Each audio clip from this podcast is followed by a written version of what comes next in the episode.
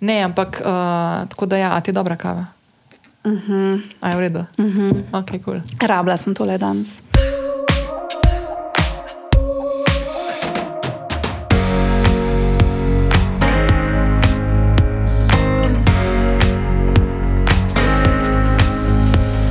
Dobrodošla na podkastu Lovim ravnotežje. S tabo sem Nina Gaspari, danes je petek in čas je za svežo 142. epizodo tega podcasta.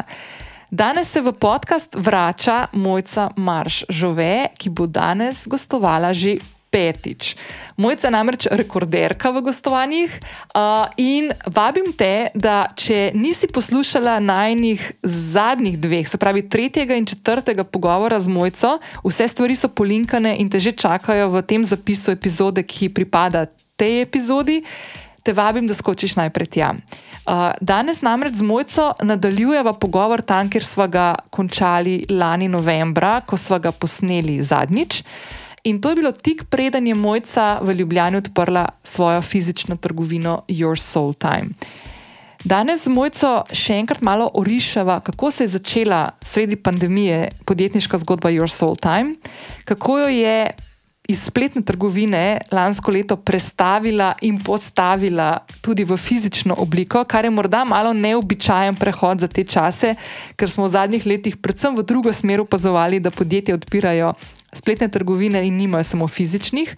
Uh, in kako je ta prehod vplival tako na bliskovito rast podjetja, kot njenih prihodkov, pa predvsem veliko, veliko pozornosti dava na to, s kakšnimi izzivi se je mojca ob tem srečevala. Uh, vse te stvari so na vzven videti zelo super in fino, ampak vsaka taka uh, hitra rast pomeni tudi uh, en kup enih izzivov, ki pridejo zraven in so povezani s premembami, ki se bliskovito odvijajo zraven. Uh, Uh, govoriva tudi o načrtih, ki jih ima za prihodnost, govoriva o izzivih, ki jih ima, ko opazuje, da ima na trgu vedno več posnemovalcev in kako s tem upravlja.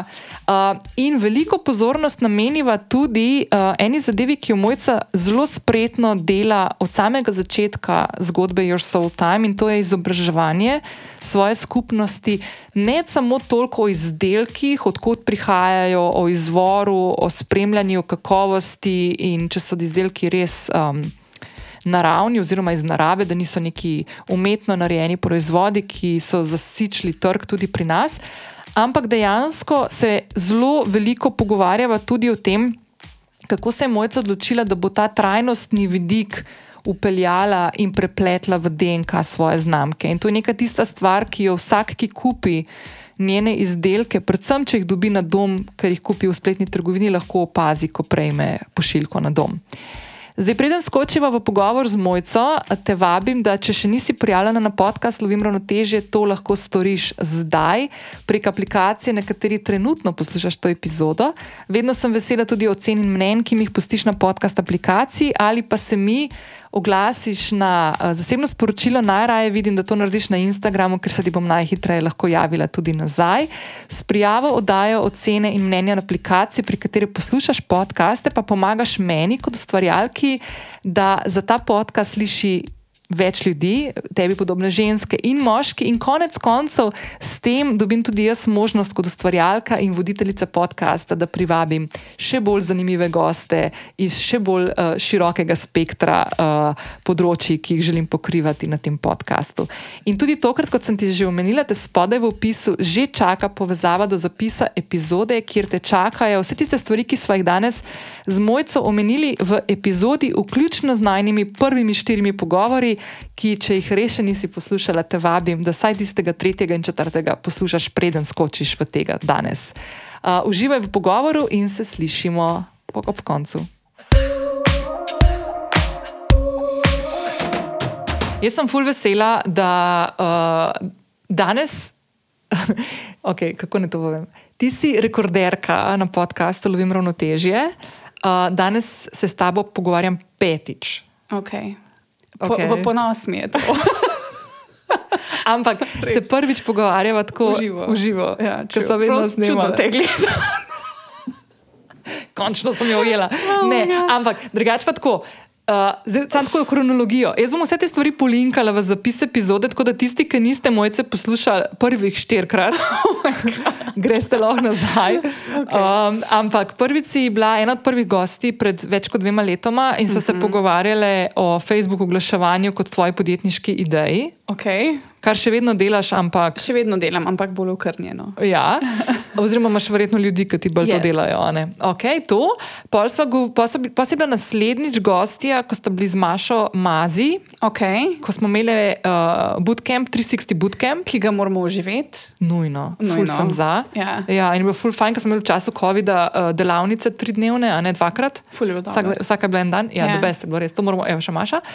Um, Pol si bila pa ta drugič, uh, ta tretjič, pa ta četrtič si bila pa uh, v sklopu tega, da si predstavlja svoj nov, uh, takrat nov, no. se je še vedno ja, nov. Se je še vedno nov, v bistvu. Um, startup lahko rečemo, True, takrat ja. je bila malo podjetniška ideja, pa tako neka taka stvar, tvoja strast, ta, ta, ta, your soul time. Yes. Prvič, ko smo govorili, smo govorili o um, uh, teh le. Kadilih, ja. pa v posodicah, to spomniš? ja. Ta drugič, sva pa pred enim letom, skoraj enim letom, preden ja. si imela fizično trgovino odprto v Ljubljani, sva pa govorili, ker si tudi kristale začela prodajati, ki pa verjetno zdaj tako najbolj.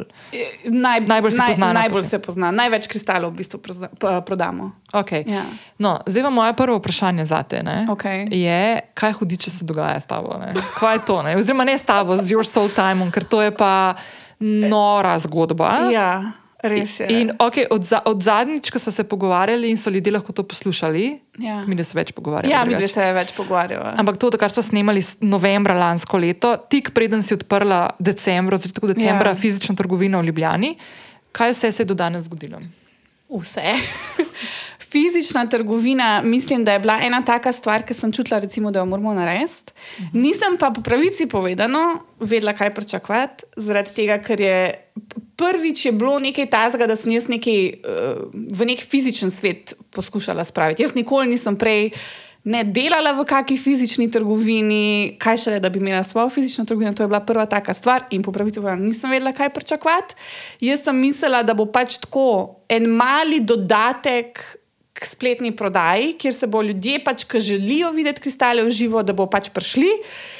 Je pa postalo vse prej kot to, na dober način. Uh -huh. uh, in namreč, da imamo full obiska, pa ne samo obisk, ampak en tak komunit je zrasel okoli tega. Uh -huh. uh, tako da to me je pa, pa čisto zulo in po pravici povedano, take rasti, recimo, ki smo mi imeli, jaz pač nisem pričakovala. ja. Nekaj veš, kaj je danes zjutraj.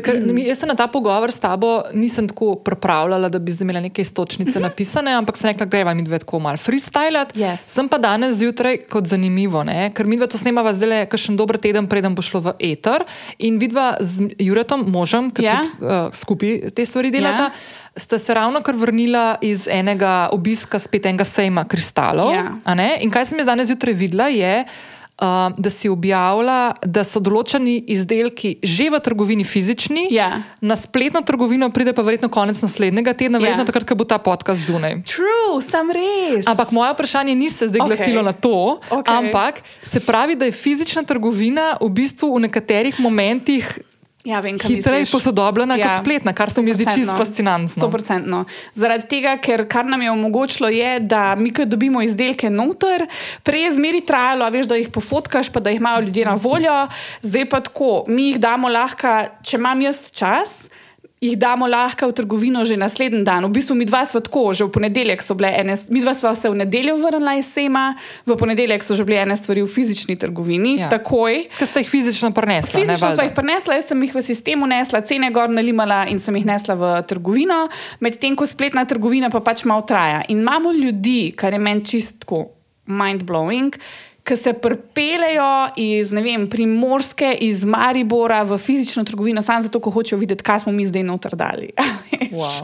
Res pač čist krezi. Ampak ja, tako kot se reka, v tem aspektu.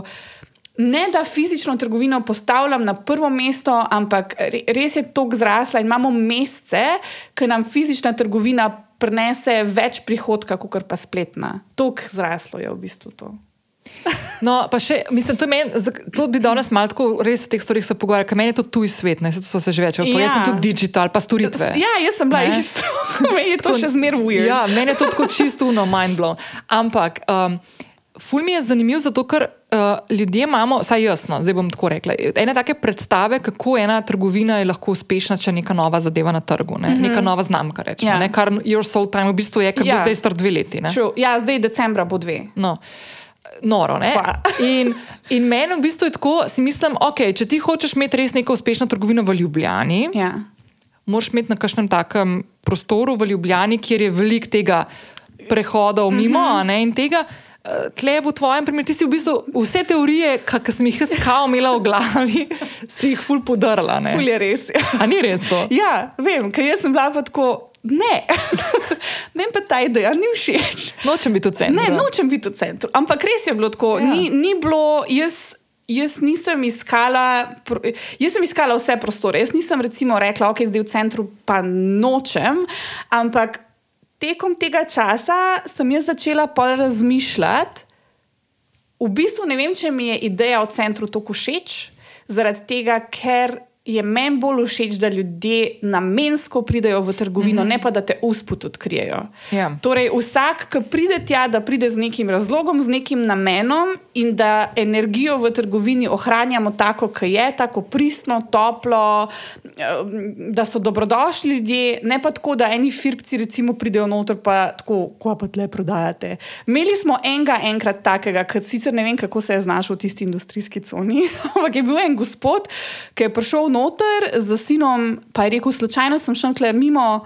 Ja, kva pa vi to predajate, neke kamne, ha, ha, ha, veš. Mm -hmm. In sem rekla, evo, točno teh stvari jaz nisem hotela imeti, zato smo rekli, da je iti v industrijsko cono, stran od vseh in da ljudje z namenom pridejo tja. Ja, in to dejansko je, ker jaz se spomnim Ja. lani, ko si.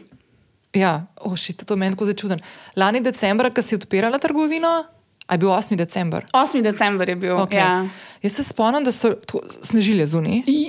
Ta zgodba je čistka. Ni no? Ja. In je bilo tako, pač ti se nisi, mojca drugačma je ful tako. mm, Pač težko, težko jo jamaš, ker je pač bizi, ne ženska, valjda, ne pač laufa okrog po trgovini, pa skladišču. Pa tako, Ja, ampak, true.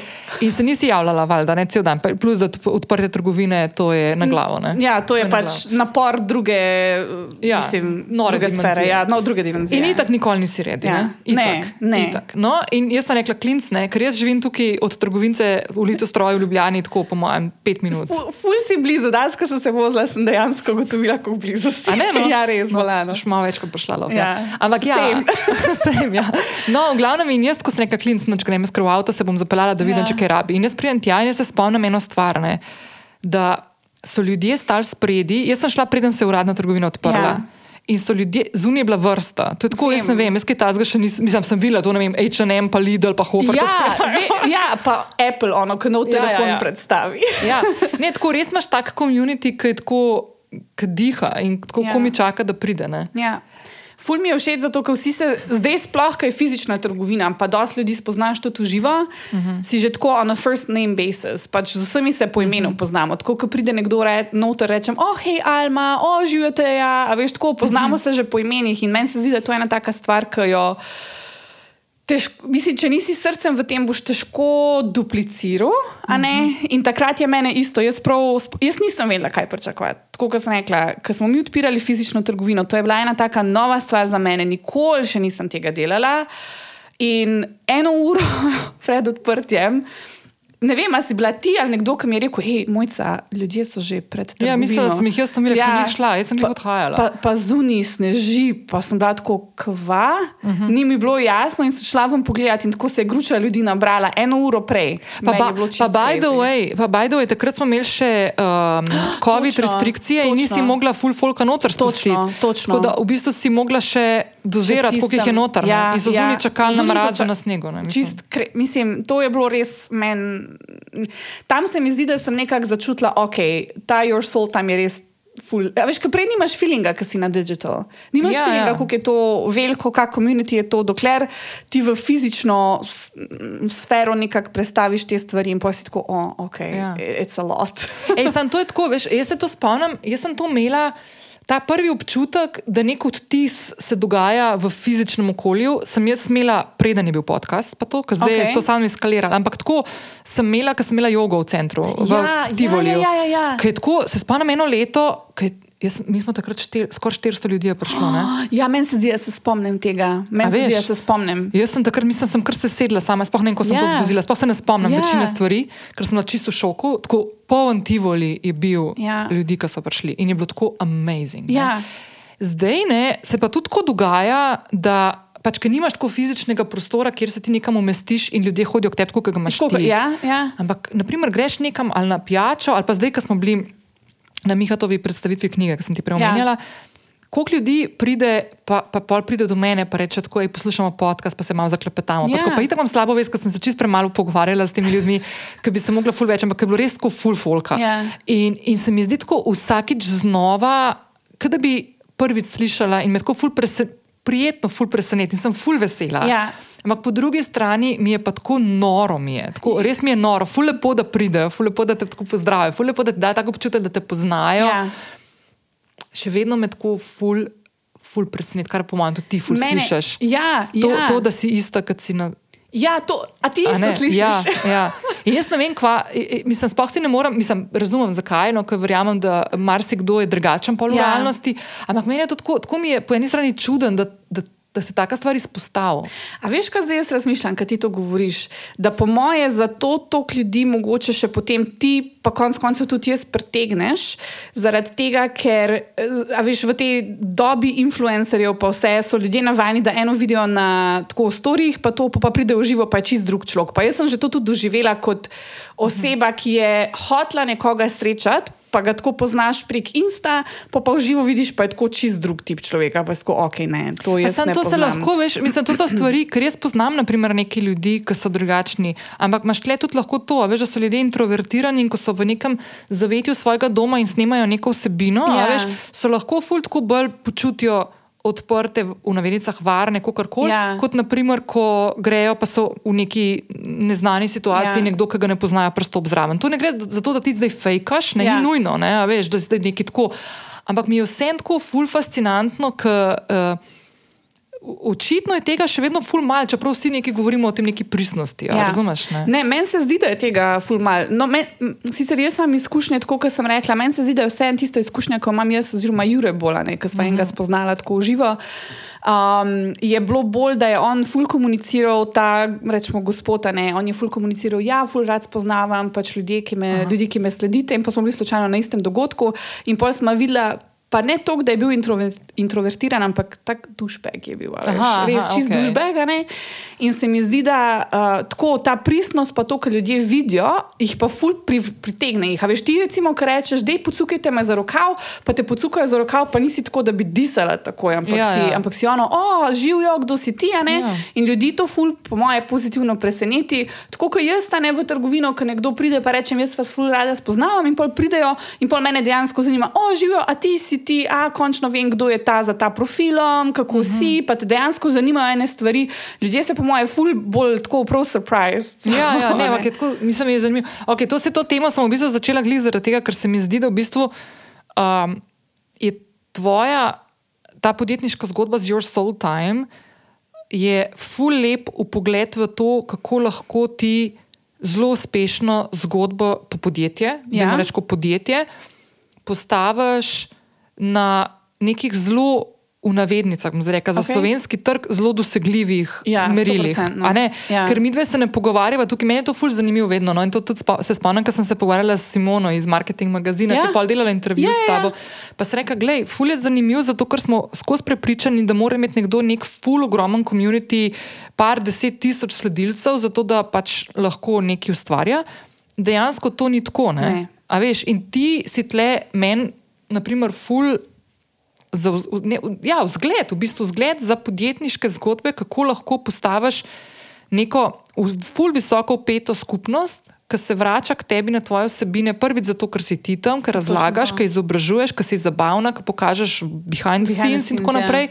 Ker v bistvu ljudje lahko spremljajo tebe in tvoje izzive, s katerimi greš skozi dan, skozi mesece, skozi leta, konec Ja. ja. koncev. Odgovarjaš na sporočila. Kokar tok. Dobro, se to vidi, mislim, imaš res veliko. Ja, to, ja, se, ja, pa vprašanja, pa levo pa moš preverjati. Ja, Ja, tako, ja. ja. se štekam. Ampak odgovarjaš, Ja, nekar, odgo- to pa zihar, to pa sto veš, lahko ja. traja mogoče še Ja. dan ali pa whatever, Ja. ja. ampak ja, odgovoriš, kar je tudi ena od stvari, ki jaz fulkrat slišim. Ne, ja. O moj bog si odgovorila. Ja, no, isto, čist isto. A veš? In, in je v bistvu tako, mi je noro, da na teh okvirih, ki so neki tako dosegljivi, tudi v Sloveniji, Ja. ne, ni to za nek tak komunit, ki je ne vem, Ja. poblaznev pa ogromen, da dejansko ti postaviš na tem tako zelo zdrave. Temelje svojega podjetja, ja. ki ti v bistvu laufa, ki se razvija in ne samo to, kar raste. Ker, Ja. A veš, mi dve smo en let nazaj govorili in mi je tako noro, kaj se je v tem času zgodilo. Crazy. Ve, mislim, že tako dve leti, pa, ne, Vem. govo- pa še COVID je bil vmes. ne? Ja, mi smo sred COVID-a začeli zato. Pač, z mojim blogom. Ampak ja, ne, se strinjam, meni se zdi, da je ta bar oziroma ta nivo v Sloveniji dost nizek, pa jaz sem ful trdnega prepričanja tudi, pa to izhajam pa spet iz moje marketinške stroke, ne, ker sem delala z večmilijonskimi podjetji in meni se zdi, da lahko ta nivo neke osebnosti pa dosegljivosti tudi naprej ohranjaš, če si tudi dobro postaviš stvari. a ne. Zdaj recimo ena taka stvar, ki imam zdaj jaz trenutno največji challenge, ampak vem, da je premustljiv, je predvsem ta sporočila. ne. Jaz sem jih dobila v zadnjem tednu, je bilo 500 sporočil. Ka, ka, kam pa jih primarno dobiš na Instagramu? Na Instagram, večinoma. a Prav ne. zasebna sporočila na Instagramu. Zasebna sporočila na Instagramu. In to so vprašanja, uh, ne vem, kje je moje naročilo, kaj mi ti priporočaš za to, itd. In jaz verjamem, da mi, ki bomo rasli, da lahko ta nivo dosegljivosti, odzivnosti mi vseeno ohranimo z nekimi taktikami, pa da vseeno ostanemo osebni. Ne, ne glede na to, koliko veliki smo. Ja, so ene stvari, ki boš mogel mogoče malo reskirati v smislu da bomo mi mogli nekoga zaposliti, ki bo pomagal nam pri odgovarjanju teh vprašanj, ampak tu imaš sisteme, tu imaš programe, ki ti pomagajo definirati, ok. Če dobim jaz v Instagram vprašanje, kje je moje naročilo, lahko nekdo drug odgovori. Ja. Če je pa eno osebno vprašanje, pa lahko jaz. In imaš programe, ki, bo, ki jih lahko um, ki lahko dodeljujem te tikete za customer support, pa rečem, ok, to je ena stvar, ki mi lahko nekdo drug odgovori, to pa je ena stvar, ki me osebno. a ne. In se mi zdi, ne glede na to, koliko rast, meni se zdi, da ne sme biti izgovor. No. Ne, ne, ne, ampak to, so, mislim, to sem te hotela zdaj vprašati. V bistvu sem hotela, um, da je en korak nazaj, um, preden priva na izzive. Okay. Da mi povej, kje so tiste točke preloma, ki misliš, da so bile ključne za to, da je danes your soul time tle, kjer je-. Kje so bile tiste stvari, ki so se tebi zdele tako, ali mogoče non-negotiable, ali uh, si jih upela noter tudi v neko kulturo podjetja. Okej. Kaj je tisto, kar se tebi zdi, da so ključne stvari, ki so pripomogle k temu, da je danes Ja. ta realnost? Meni se zdi, da ena stvar, ki je meni osebno non-negotiable, je to, um, da smo mi ful osebni, da smo ful prijazni, da, da recimo mene ljudje vidijo na storjih. Zaradi mene pa Jureta nekako najbolj. Ne? Potem, kdorkoli se pridruži ekipi, gre tukaj za recimo neko delno izpostavljenost, zato da se ljudje tudi z njimi osebno povežejo. Uh -huh. Ampak meni se zdi, da je ta oseben pristop je tako number one, kar nas dela um, drugačne tudi od vseh kompetitorjev, ker to je, oziroma od vse konkurence, ker to je ena stvar, in my opinion, ki se jo lahko se jo delno naučiš, kako biti recimo dober v tem, ampak ni pa fulučljiva. Lahko malo narediš napredek, pa da se naučiš nekih taktik, pa kako snimati storije itd. Mm -hmm. Sam potem se mi zdi, da pa pride do neke osebnosti, ki žari potem na teh storijih ven, je pa ful odvisno od posameznika. Zdaj, če imaš ti tako welcoming osebnost, odprto osebnost, bo to res žarelo ven in to je ena stvar, ki ne moš fekati. ne. In tu se mi zdi, da je bila ena. To je to, kar nam pomaga, da rastemo naprej. Ampak ti si to že imela od začetka, ta plan? Ja. Pa si si predstavljala, da bo od tebe v navednicah, v navednicah zahteval. Ja, ampak sem vedela, da bo na koncu worth it. Ja. Jaz sem vedela, da moram. Da moram um, a veš zakaj? Zaradi tega, ker spet, če izhajam iz teh mojih marketinških vod, pa ker ker delam za social medije že skoraj deset let. Um, jaz sem tudi, ko sem svojim strankam prej, preden sem imela Your Soul Time, ko sem jaz njim konsultala, pa jim svetovala, kako naprej, itd. prva stvar, ki sem jo vedno poudarila, je, da je sami sebe pokazati, da je osebnost, da je osebnost neki mm. znamki. Ne? Tisti, ki so me poslušali, da best, so lahko uh, so imeli in pač neko nagrado, a ne so videli potem rezultate, tisti, ki pa ne, pa pač ne. Ampak, uh, ko sem jaz štartala, Your Soul, tam sem točno vedela, kako hočem narediti, kar se tega tiče, kar se te komunikacije mm osebne tiče. Vedela sem, kako moram, vedela sem, da bo to pripomoglo, pa tudi prvi odzivi so pač temu botrovali, ful se je videlo. Mm -hmm. uh, tako da to se mi zdi, da je tako number one thing, kar je pač nas gnalo naprej. Druga stvar, kar pa je, um, pa po fizični trgovini smo imeli pa full challenge. Oziroma, izziv, da ne bom na pol v angleščini govorila. Ajško, en, ja, pol, vem, ja. pol polovica, polovica možganov razmišlja v angleščini. Um, smo imeli pa v bistvu izziv, kako to energijo, ki jo je bilo meni dosta enostavno online prikazati, kako jo prenesti v fizično trgovino. Pa eno je tudi, kar sem jaz, recimo, za blagajno, drugo pa je, ko imamo enega zaposlenega. Ne? Kako najti pravega človeka, ki bo znal to našo energijo ponotraniti, kako ustvariti welcoming space, da se bo ljudje počutili dobrodošle, uh, itd. Ne? To je bil pa naslednji izziv, s katerim smo pač tudi nekaj časa rabiš. Upelješ ene stvari, pa neke pristope, da se ljudje počutijo sprejete, ampak tudi nam je potem uspelo. Tako da meni se zdi, da v bistvu ta energija, ki jo mi kažemo, in pa težko je ful upisati, zaradi tega, ker ja, moš ja, ja. videti, da veš, ne, ampak ta energija, ki jo mi pokažemo online, pa v fizični trgovini, je pač ena taka stvar, ki res nas dela drugačne in so pač. Je tista stvar, ki nas je pripeljala do, do tu, kjer smo, pa, of course, mm -hmm. odpiranje fizične trgovine. Ne, ker se če tako pomislim, ne, da, primer, da človek pride v fizično trgovino, tebe pozna prek sociala, pol te tam enkrat vidi v trgovini in vidi, da si to ti res ti. Ja. Pa pride pa naslednjič, pa je naprimer nekdo drug ne, v trgovini. Ja pa naprimer nima take nakupne uh, uh, izkušnje, ne, dejansko je to lahko. Make it or break it. Ja, ja. v bistvu ne. Sto procentno. Ja. Ful je odvisno. Veš, jaz sem se ful bala na začetku sploh. Sem se ful bala, ok, zdaj, ker realnost je, da jaz sama. Tu trabla sem priča s to, ampak jaz sama ne morem vsega furati. Da ni. Veš, res ne. Kako to če, misliš? Če kdo to ve, ne. ne ampak, ampak se veš, kako je težko priti čez ta mindset. Ne, ne, ne vem, kaj jaz mislim. Da, ja, uh, ne, zato ker ja, jaz se še vedno s tem uh, borim. Ja. Sam sem drugačna realnost. Jaz sem tako, da sem uh, one man band, ja. uh, ki se je letos. Mal prvič začel spogledovati s tem, da najamem ljudi, da mi določene stvari naredijo. Ampak je težko, ali ni? Ful. Ja, Fule težko. Ker je tvoj baby. Je, ja, je, po drugi strani imam pa zdaj to srečo, da naprimer, naprimer imam enega uh, krasnega dečka, uh, Lukata, ki mi editira. Spravi smo pošljali to, kar mi poznameva in on okay. meni skupaj, da z muziko okay. pa to, da se ne zafrkavam jaz. Ne? In meni je super, in jaz, naprimer, vem, da on dobro naredi, in v bistvu, razen tistega, če imam neke take res specifične stvari znotraj ene epizode, naprimer, imam kakšno sodelovanje, pa hočem, da res fajn izpade, pa tako okay. preverjam, naprimer. Eh, kako je bilo to umeščeno, pa če res tam, kot sem rekla. Naprimer, ja, ja. Ampak drugače so v bistvu naravni za njim gledati. Ja. Kar je v bistvu tista stvar, ki mi odtehta. Ni to, ja, fora, ja, da mi nekdo naredi, ampak da ne rabim pol, jaz se še s tem ukvarjam. Da si ne delaš dvojnega dela. Ker je to point. Ja, toč, ja. točno to.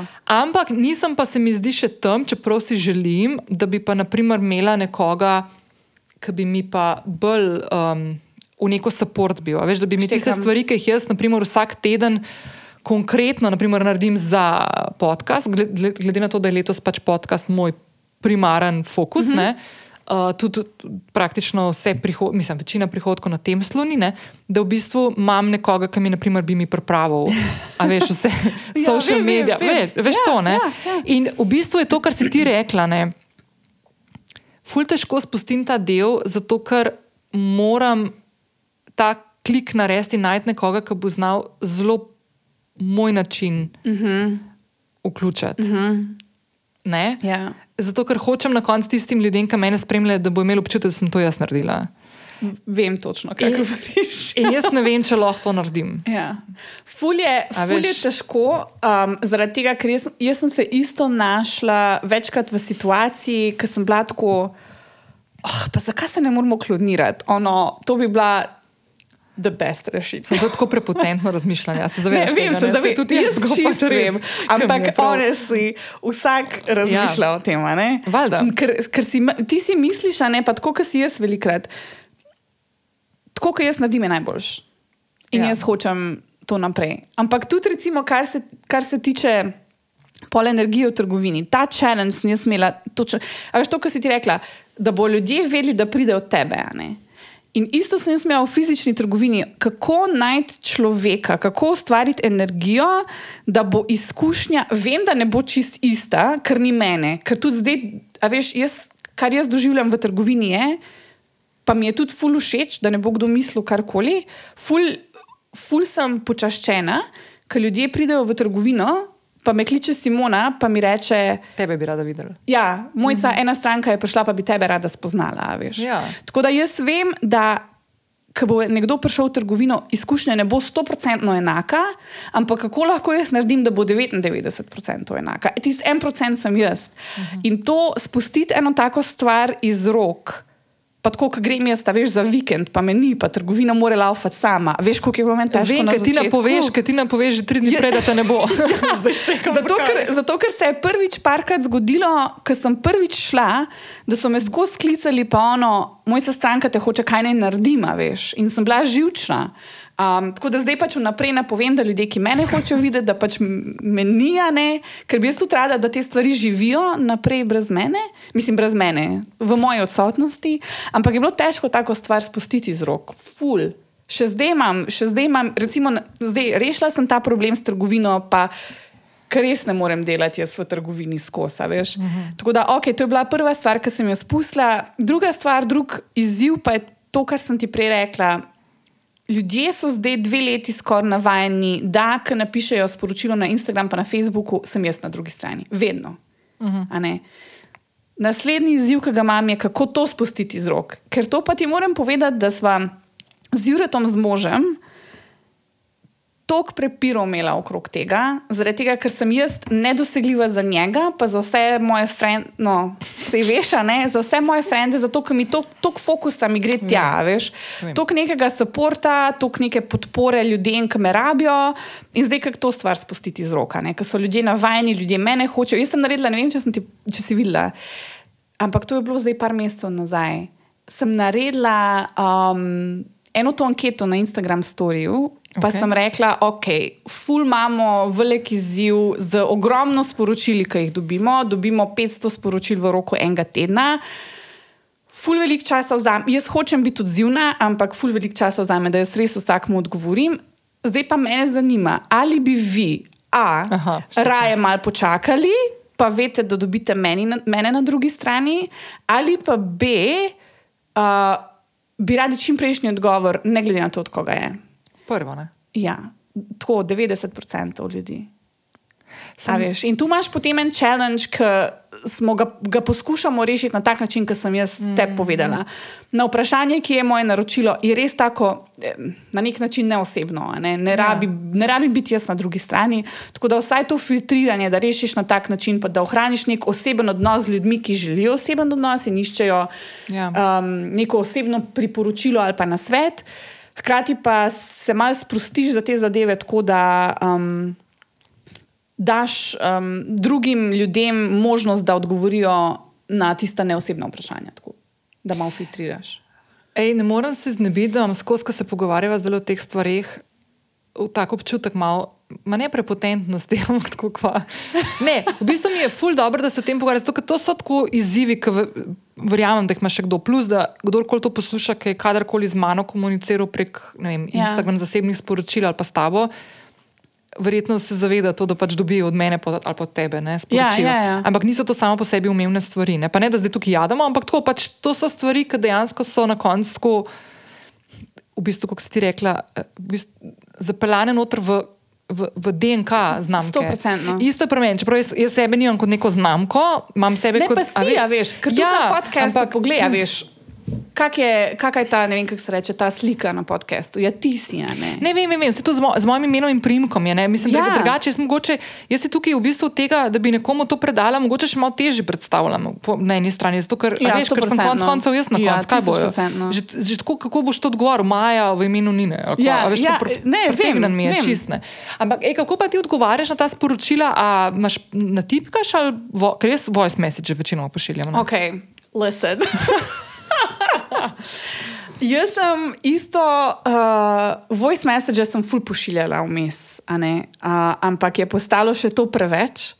Tako da zdaj, uh, na, oz, oziroma tako, najprej sem začela tako, da sem tipkala, ker sem bila preveč sramežljiva za voice message. Aha, ok, valjda. Pol sem začela voice message zato, ker je bilo hitreje, pa še tudi zdaj, kdaj voice message uporabljam. Ampak zdaj trenutno, ampak to je tako, zadnje dva tedna testiramo en nov sistem, um, kjer je pa prav aplikacija, kamor mi vse, um, sicer oni temu pravijo pač support tickets, ne, oziroma kako se temu po slovensko reče, se. Hm, Klicni center. Pač tako, kot ja, ta klicni center, varianta, ki ti noter vrže. Um, iz različnih tikete platform? Iz različnih platform. Torej, jaz imam v bistvu na A. enem mestu vsa sporočila, iz, ker imaš na Facebook. Ja, sej, ja, ja. Facebook imam, e-mail imam, pa Instagram imam. Um, Aha. in mi tja noter vse vrže, tako da zdaj zadnje čase res večinoma tipkam, ker testiram ta sistem, ali jaz hitreje odgovarjam na vse stvari, zato ker jaz tipkam. Uh, pa jaz si v bistvu potem tudi filtriram po pomembnosti. Recimo, če mi nekdo piše, da se je en paket zgubil, si dam jaz urgent in tisto poskušam Aha. nekako najprej rešiti. Torej, na začetku grem noter v sistem, malo označim te stvari, ki so najbolj nujne, uh -huh. ali pa kristal se je zlomil, recimo, uh -huh. um, moramo narediti refund ali pa karkoli, ne tiste stvari, da porihtamo, pol gremo pa na tiste nasvete, itd., pa na kakšna negativna mnenja, recimo, če so. Um, tako da zdaj zadnje čase pa tipkam, čeprav mi je pa. Recimo, voice messages so mi ful všeč, zaradi tega, ker dodajo še eno osebno noto. Uh -huh. Ker so ljudje dobili, vse ti verjetno isto slišiš, uh -huh. ampak ljudje, ki dobijo voice message, so čist ono, paf, Ja. wow, vzel Ja. ja. si čas, pa meni poslal, meni osebno voice message. Tako da študiram, da bi pač poskušala v prihodnje malo razdeliti si, um, kaj uh -huh. posnamem, pa kaj natipkam. Recimo. Ja, ja. Ne, meni so, tu- men, men so, vo- men so voice message, pa tudi nikoli jih nisem, le, se veš, to nisem, mislim, smo se že pogovarjali stokrat, ampak tako, eh, jaz to, da imam podcast, pa da svojim glasom oddajam, je to čisto bizarno, ker sem eden od unih ljudi, ki nikoli nisem nobenega voice message nikjer spustila. ne. Tudi, ker sem v tujini živela, pa je Ja. bil to full mainstream. No ja, way. takrat, ko smo vsi imeli še vč včasih one tajnice, Tajnice. uh, tajnice na telefonih. No, to. Jaz zmeri, ko sem slišala po pisku, pustite Ne, hiter, pre, kje prekinati. tipka, da. Valjda, ja, bom raje pol še trikrat poklicala. ja, ja, ne, to meni čisto dio. Ampak danes, na primer, mi je pa to ful način in dejansko je tak res oseben. Mislim, slišati tvoj glas, vejo, da si ti. Ja, točno to. In je res tako ful, ful, fa. Čeprav jaz tako moram reči, no, jaz tudi kar nekaj sporočil dobim vsak dan, pa provam tudi vse tako odgovoriti. Se mi kašem sem pa tja zmuzneno, priznam, ampak ne, večinoma pa ja. In mi, meni je to nekaj najlepšega. Naprimer, ful- tudi, meni in tudi. Sploh nisem šla za tem, naprimer, zdaj le. Ful sem se režala, ful, par dni nazaj. Tako meni Miha reče, kako si tako kul cool s temi stvarmi. pa To, a veš, on je zdaj na- tudi na Instagram prišel, pa dobi kakšno sporočilo. Ali pa ne vem, ker ne gre vsak dan na Instagram in, veš, in pa mu zgubi kakšen story, ne vidi. Pa, tako, pa jaz, pa dej saj en dan, pet ko gor. pa tako. In on tako, veš, njemu je to tuj svet. ne. Ja, bi rekla. Ja. veš, ni, ni tako, pač ni, tudi ni, po mojem. Dobra generacija, to se uporablja full Ne. social media, ampak tako ni mu ta ja. model. Tako, Fora je, od, bliz, ne. o- o- odvisno je, koliko si ti zgradiš. Se ti bi tudi lahko bila čisto offline, pač tvoj choice ja. Je bil, oziroma tvoja odločitev, da, meni sedi, si to. ja, tudi meni sedi ja. na, mojo, na mojo karakter, v bistvu. Ja, enako, tudi meni. Ja. da- Um, okay. Se pravi, ok, challenge. Ne? Če, Ja. a imaš še kakšen tak izziv? Ta, recimo, je, naj, ta je najbolj. eh, Dva izziva imam zdaj trenutno, ki se najbolj borim z njimi. Ta prva stvar je definitivno to, kar smo se pogovarjali. Kako um, brand oziroma znamko ohraniti osebno, hkrati pa rast. a ne. Ta, to je pri meni najbolj. Pa imela sem, prav, jaz odkrito povem, da smo se z Juretom deset, pa še zdaj se prepirava glede tega. In na zadnje prepir, ki sem imela, sem bila tako, pa to so tako, drugač, poslovni prepiri, mi dva znava loči, da se mava ful rada. Ampak um, sem mu prav rekla, da to, recimo, kdo odpisuje na drugi strani, pa, to, pa ta oseben pristop je ta zadnja stvar, ki jo me spustila iz rok. Vse ostalo bom prej delegirala. Delegirala bom delo v trgovini, popisovanje kristalov, uh, ne vem, še raje bi delegirala komunikacijo z dobavitelji, kot pa da se jaz odrečem temu, da sem jaz na drugi strani Instagrama ali pa Facebooka ali pa e-maila. Ja, recimo, valjda, a ne. ja. um, ta drugi izziv, ki ga pa imamo, je pa nasplošno rast podjetja, pa vključevanje drugih ljudi kot članov ekipe. noter.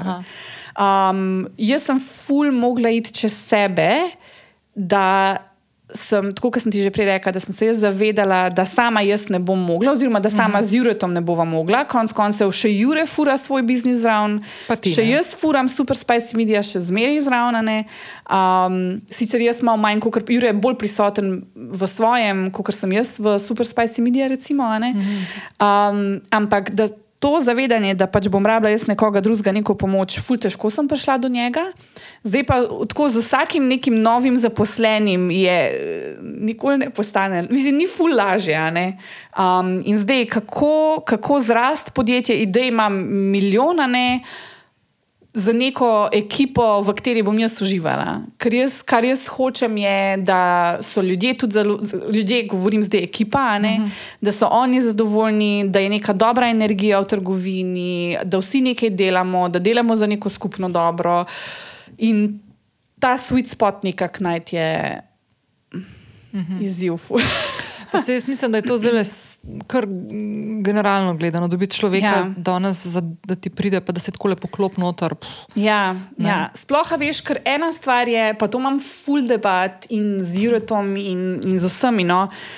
Ful je izziv zaradi tega, ker.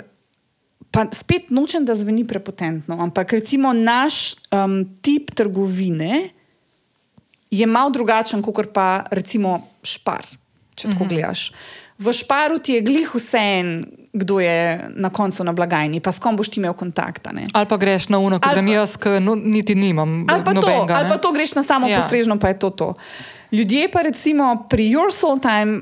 Pričakujejo upravičeno, no? uh mhm. -huh. pričakujejo malo drugačen stik, malo drugačen pristop, in zdaj najti ljudi, ki bojo znali, um, veš, tako, kot imaš ven diagram ki bo znali, ono, ok, tle moram biti produktiven. Mhm. -huh. Ful, pa moram delati, pa se malo disasocirati od tega, pač, kakšne stvari so to, ampak vseeno moram, ker stranka pride noter, pokazati neko ljubezen do tega. Uh mhm. -huh. Ta, ta pre, presek, presek je ful je težko najti. Mm. Uh, in to so pač ene stvari, s katerimi se mi tudi ful borimo. In zdaj, ko smo zaposlovali, um, ko smo v bistvu z eno članico so, smo se poslovili, ne, pa se je druga pridružila. Sicer smo hoteli v bistvu nekoga dodati zraven, ampak mm -hmm. zdaj smo bolj kaj ne zamenjali, pa bomo kasneje dodajali. Mi dva sva imela full intervjuje in je res tako, težko je najti človeka, ki bi, ki bi se začutil z njim, pa da bi ti vedel, ok, uživa v kristalih, kadilih itd., ampak je hkrati tudi produktiven, pa zna to jemati kot biznis. Mhm. Ker to je pa ena stvar, ki imam pa jaz od tebe v mislih. Ne vem, če se ti spomniš, ampak to se jaz tolikrat spomnim na to stvar, na to debato, ki smo mi dve imeli. Enkrat si mi rekla, ne vem, pa, pa ne vem, v čem je že bilo, ne vem, kakšna je bila situacija, ampak. Sorry, to bo bila... zdaj pasalo v tisto, v tisto predal, ki sem jaz ful pa, pametna za druge. Ne? Pa bi pa mogla, pa, sigurno Sam, je to. Može. Kar povej. Ne, vem, da bo, ja, se vem. Bo, ja, bo, bo. bo. In si mi rekla, in si mi rekla, mojca. Zakaj si ti, a veš, ful sem, jaz grem vedno ljudem ful na roko, včasih preveč. No, kaj se mhm. smejiš. Uh, in si mi rekla, mojca, zakaj ti your soul time, ti moraš tudi, kljub temu, da uživaš v tem, pa da ti je full fine, pa da srcem delaš, moš to imati tudi kot biznis, ker boš preživljala druge ljudi, preživljala samo sebe in moš nekje potegnati mejo. Ne? Mhm. In to je meni bilo, pa te tudi vidim, da ti je težko dosežtane. Mislim, jaz nimam nobenega človeka trenutno, no, tudi med ampak... drugim zaradi tega, to, zato paše. Ne, jaz, do, do, jaz določeno mejo sebe do stvari, ki jih počnem, pa ki so, so zdaj res totalno moja, pe, moj strast. Pa delam res tiste stvari, samo tiste stvari, ki so. Totalno povezane z mojo, ja. mojim poslanstvom, ja. ker sem skenslala ostale stvari z letošnjim letom, uh, mi je bilo težko postaviti mejo in mogoče sem takrat, ko sem jo imela postavljeno, šla v to. Ja. Veš, je pa en drug aspekt, le, ki ga pa jaz nimam moj, v moji realnosti, je to, da nimam jaz zaposlenih ljudi. Ja. Ja, in... Tako da ta del pa nimam, ne? tako da tle pa pade v predal. Ja, ampak začelo se je z mano, da sem jaz mogla znati meje postavljati, mm. potem pa tudi pri, pri ekipi, da jih jaz naučim, da lahko ti delaš z ljubeznijo do kristalov in kadil, ampak, ko potegneš črto, je to še vedno posel, je to podjetje. In moramo ene stvari spoštovati, moraš ene stvari delati, ki mogoče niso tako Le, nobeno se ne da z administracijo zafrkavati, ja. ampak mora biti narejeno. Torej, dobiti človeka, ki bo kljub vsemu v narekovajih dreku, ki ga je treba zraven postoriti, ki ga noben ne vidi, a veš, pa ne vem, tla pomest, pa police pobrisati, ne, da bo še vedno užival v tem, Ja, ja, kar ja. počne. Ta, je, ta izziv je tako, dost Ja. zanimiv. No. Ja. Um, prej si govorila o, uh, čakaj, v načrtih, ne? Ne, Tudi, ja, mislim. ne, sem te prekinila. Imamo jih veliko. Ful, ja. Ne, ampak veš, Ja, v kaj- idejah V idejah, govorila, ja, ja. ja. No, ne veš, kaj bi te vprašala. Mm, pa povej mi, če te preveč vprašam, komod. Ampak čisto za kontekst, koliko je your soul time v dveh, iz prvega leta pa v drugo leto, koliko je tako procentualno zrastel? Um, zdaj sam poskušam časovno vse, torej, ja, za 100%. Okay, se pravi, Torej, enkrat. enkrat večji je. Ja. Ampak to kaj, od lanskega leta na zdaj? Od, če, če gledamo uh, 8. 8. december 2020 20? do 8. december 2021 je uh -huh. štev, leto številka ena, pa pa 8. december 2021, pa kaj, kar Do mi zdaj. projektiramo Ja. za 8. december 2022, je za enkrat. Okay. Ja. Pa že prvo leto je bilo tako. Ja, si imela ful. Zelo ne? dobro, ja. ja, ja. Um, za koliko pa je presegal tvoje pričakovanja? Tisoč procent. Jaz sem si tako, jaz sem si rekla, ker smo mi štartali. Pa jaz sem tako, vse po moje govorim v prejšnjih epizodah, to, kako smo štartali. To je bilo tako Ne, banalno. vse to, by the way, jaz sem tudi tako, mi dve danes ful ne bova govorila veliko o kristalih, pa o tem, kako mojca zbira uh, uh, svoje Pač, dobavitelje, ja. ker smo to ful govorili v prejšnji Ja. epizodi. Pa je to tudi ena od stvari, ki po mojem nisi izpostavila, da, to, da si ti osebno upletena v brand, druga stvar je pa tudi, da ti zelo pazljivo Ful pazljivo. gledaš, pa tako, pa tudi malo to trajnostno. To, to, to bomo se še malo dotaknili. Ampak, Ja. no, ta, to dru, in to je bil del, ki smo, ga, ki smo se pogovarjali lansko leto, preden si trgovino Ja. odprla. Tako da sem to se polinkala, če vas to zanima, ko je mojca začela. Z Your Soul Time greste lahko res v detajle. Preden so bili kristali, po mojem mnenju, ne vem, tri tedne potem, ko si odprla firmo, uh, januar 2021, pa november 2021, pa zdaj. Ja, No, tako. ja crazy. No, Ja, no. no. Uh, ja, pri dobaviteljih se je malo spremenilo, no. ampak zdaj, kar se kristalov tiče, tako imamo, hvala Bogu, direktne kontakte od rudarjev. a ne. To se je ful spremenilo, ampak. Pustmo, če gremo nazaj, ba, začetki so bili banalni. Jaz za svojim laptopom v treh dneh sem postavila spletno trgovino. a. In jaz sem si takrat rekla, če bo tole delalo Jurija Prometa na mesec, bom happy. srečna. Pa je zdaj ful, ful preseglo to. Mislim. Ja, Že v bistvu tako, že v prvem mesecu smo, smo presegli to. ja. Ja. Koliko imaš ti izdelkov na spletni trgovini? Oh, 500 plus. Ne? ja, itak, eh, itak, jaz bi rekla Jurija. Plus. Zaradi tega, ker okay, ena stvar, kar je pri nas malo drugačna, zakaj je tako visoka številka, je prva stvar, da imamo ful široko ponudbo, to je zihar, ampak druga stvar pa je, da vsaj te kristale, ki so. Unikatni, pa one of a kind, prodajamo enega pa po enega. V smislu, da pač, če dobimo kakšne malce bolj posebne kristale, jaz pofotkam tisti kristal, pa tistega, ki ga vidiš na sliki, tistega Tistega dobiš. dobiš. Tako. Zato imamo Ja, ja, ful, ful veliko izdelkov in moram to, uh, hvala za reminder, moram biti malo spucati. Ej, ampak ena stvar, mislim, ker by the way, jaz jih imam po mojem 8 ali pa 10 fi, uh, digitalnih produktov, pa se mi včasih tudi že malo meša. Ja. Zato mi je čisto noro. to. Ja. Ej, ampak druga stvar, ki sem ti pa hotla, uh, to sem te hotla vprašati, preden greva malo na to, kaj načrtuješ. Um, fizična trgovina, pa spletna trgovina, procentualno gledano na prometu. Ja. Koliko je prometa, kje v procentih? 50-50. Res? Ja, exactly. mene, no, Noro. in kar je mene ful sezulo, je, da ko smo odpirali fizično trgovino, sem jaz mislila, da se bo tisti promet iz spletne strani razpolovil Aha. in bo polovica recimo tistega ostala na spletu, polovica tistih ljudi, ki so prej prek sple- spleta kupovali, pa bo prišli v fizično trgovino. Je pa v bistvu se sam dodalo zraven. Aha. Torej, če smo prej delali, ne vem, pa to so zdaj izmišljene številke, Ja, ja, ja, ampak bom okej. res tako banalno. Da? Rečemo, če smo prej delali Jurija na mesec, če smo prej o Juriju govorili, ja. jaz sem mislila, okay, da bo 500 prek spleta, Pa 500 500, 500 v trgovini.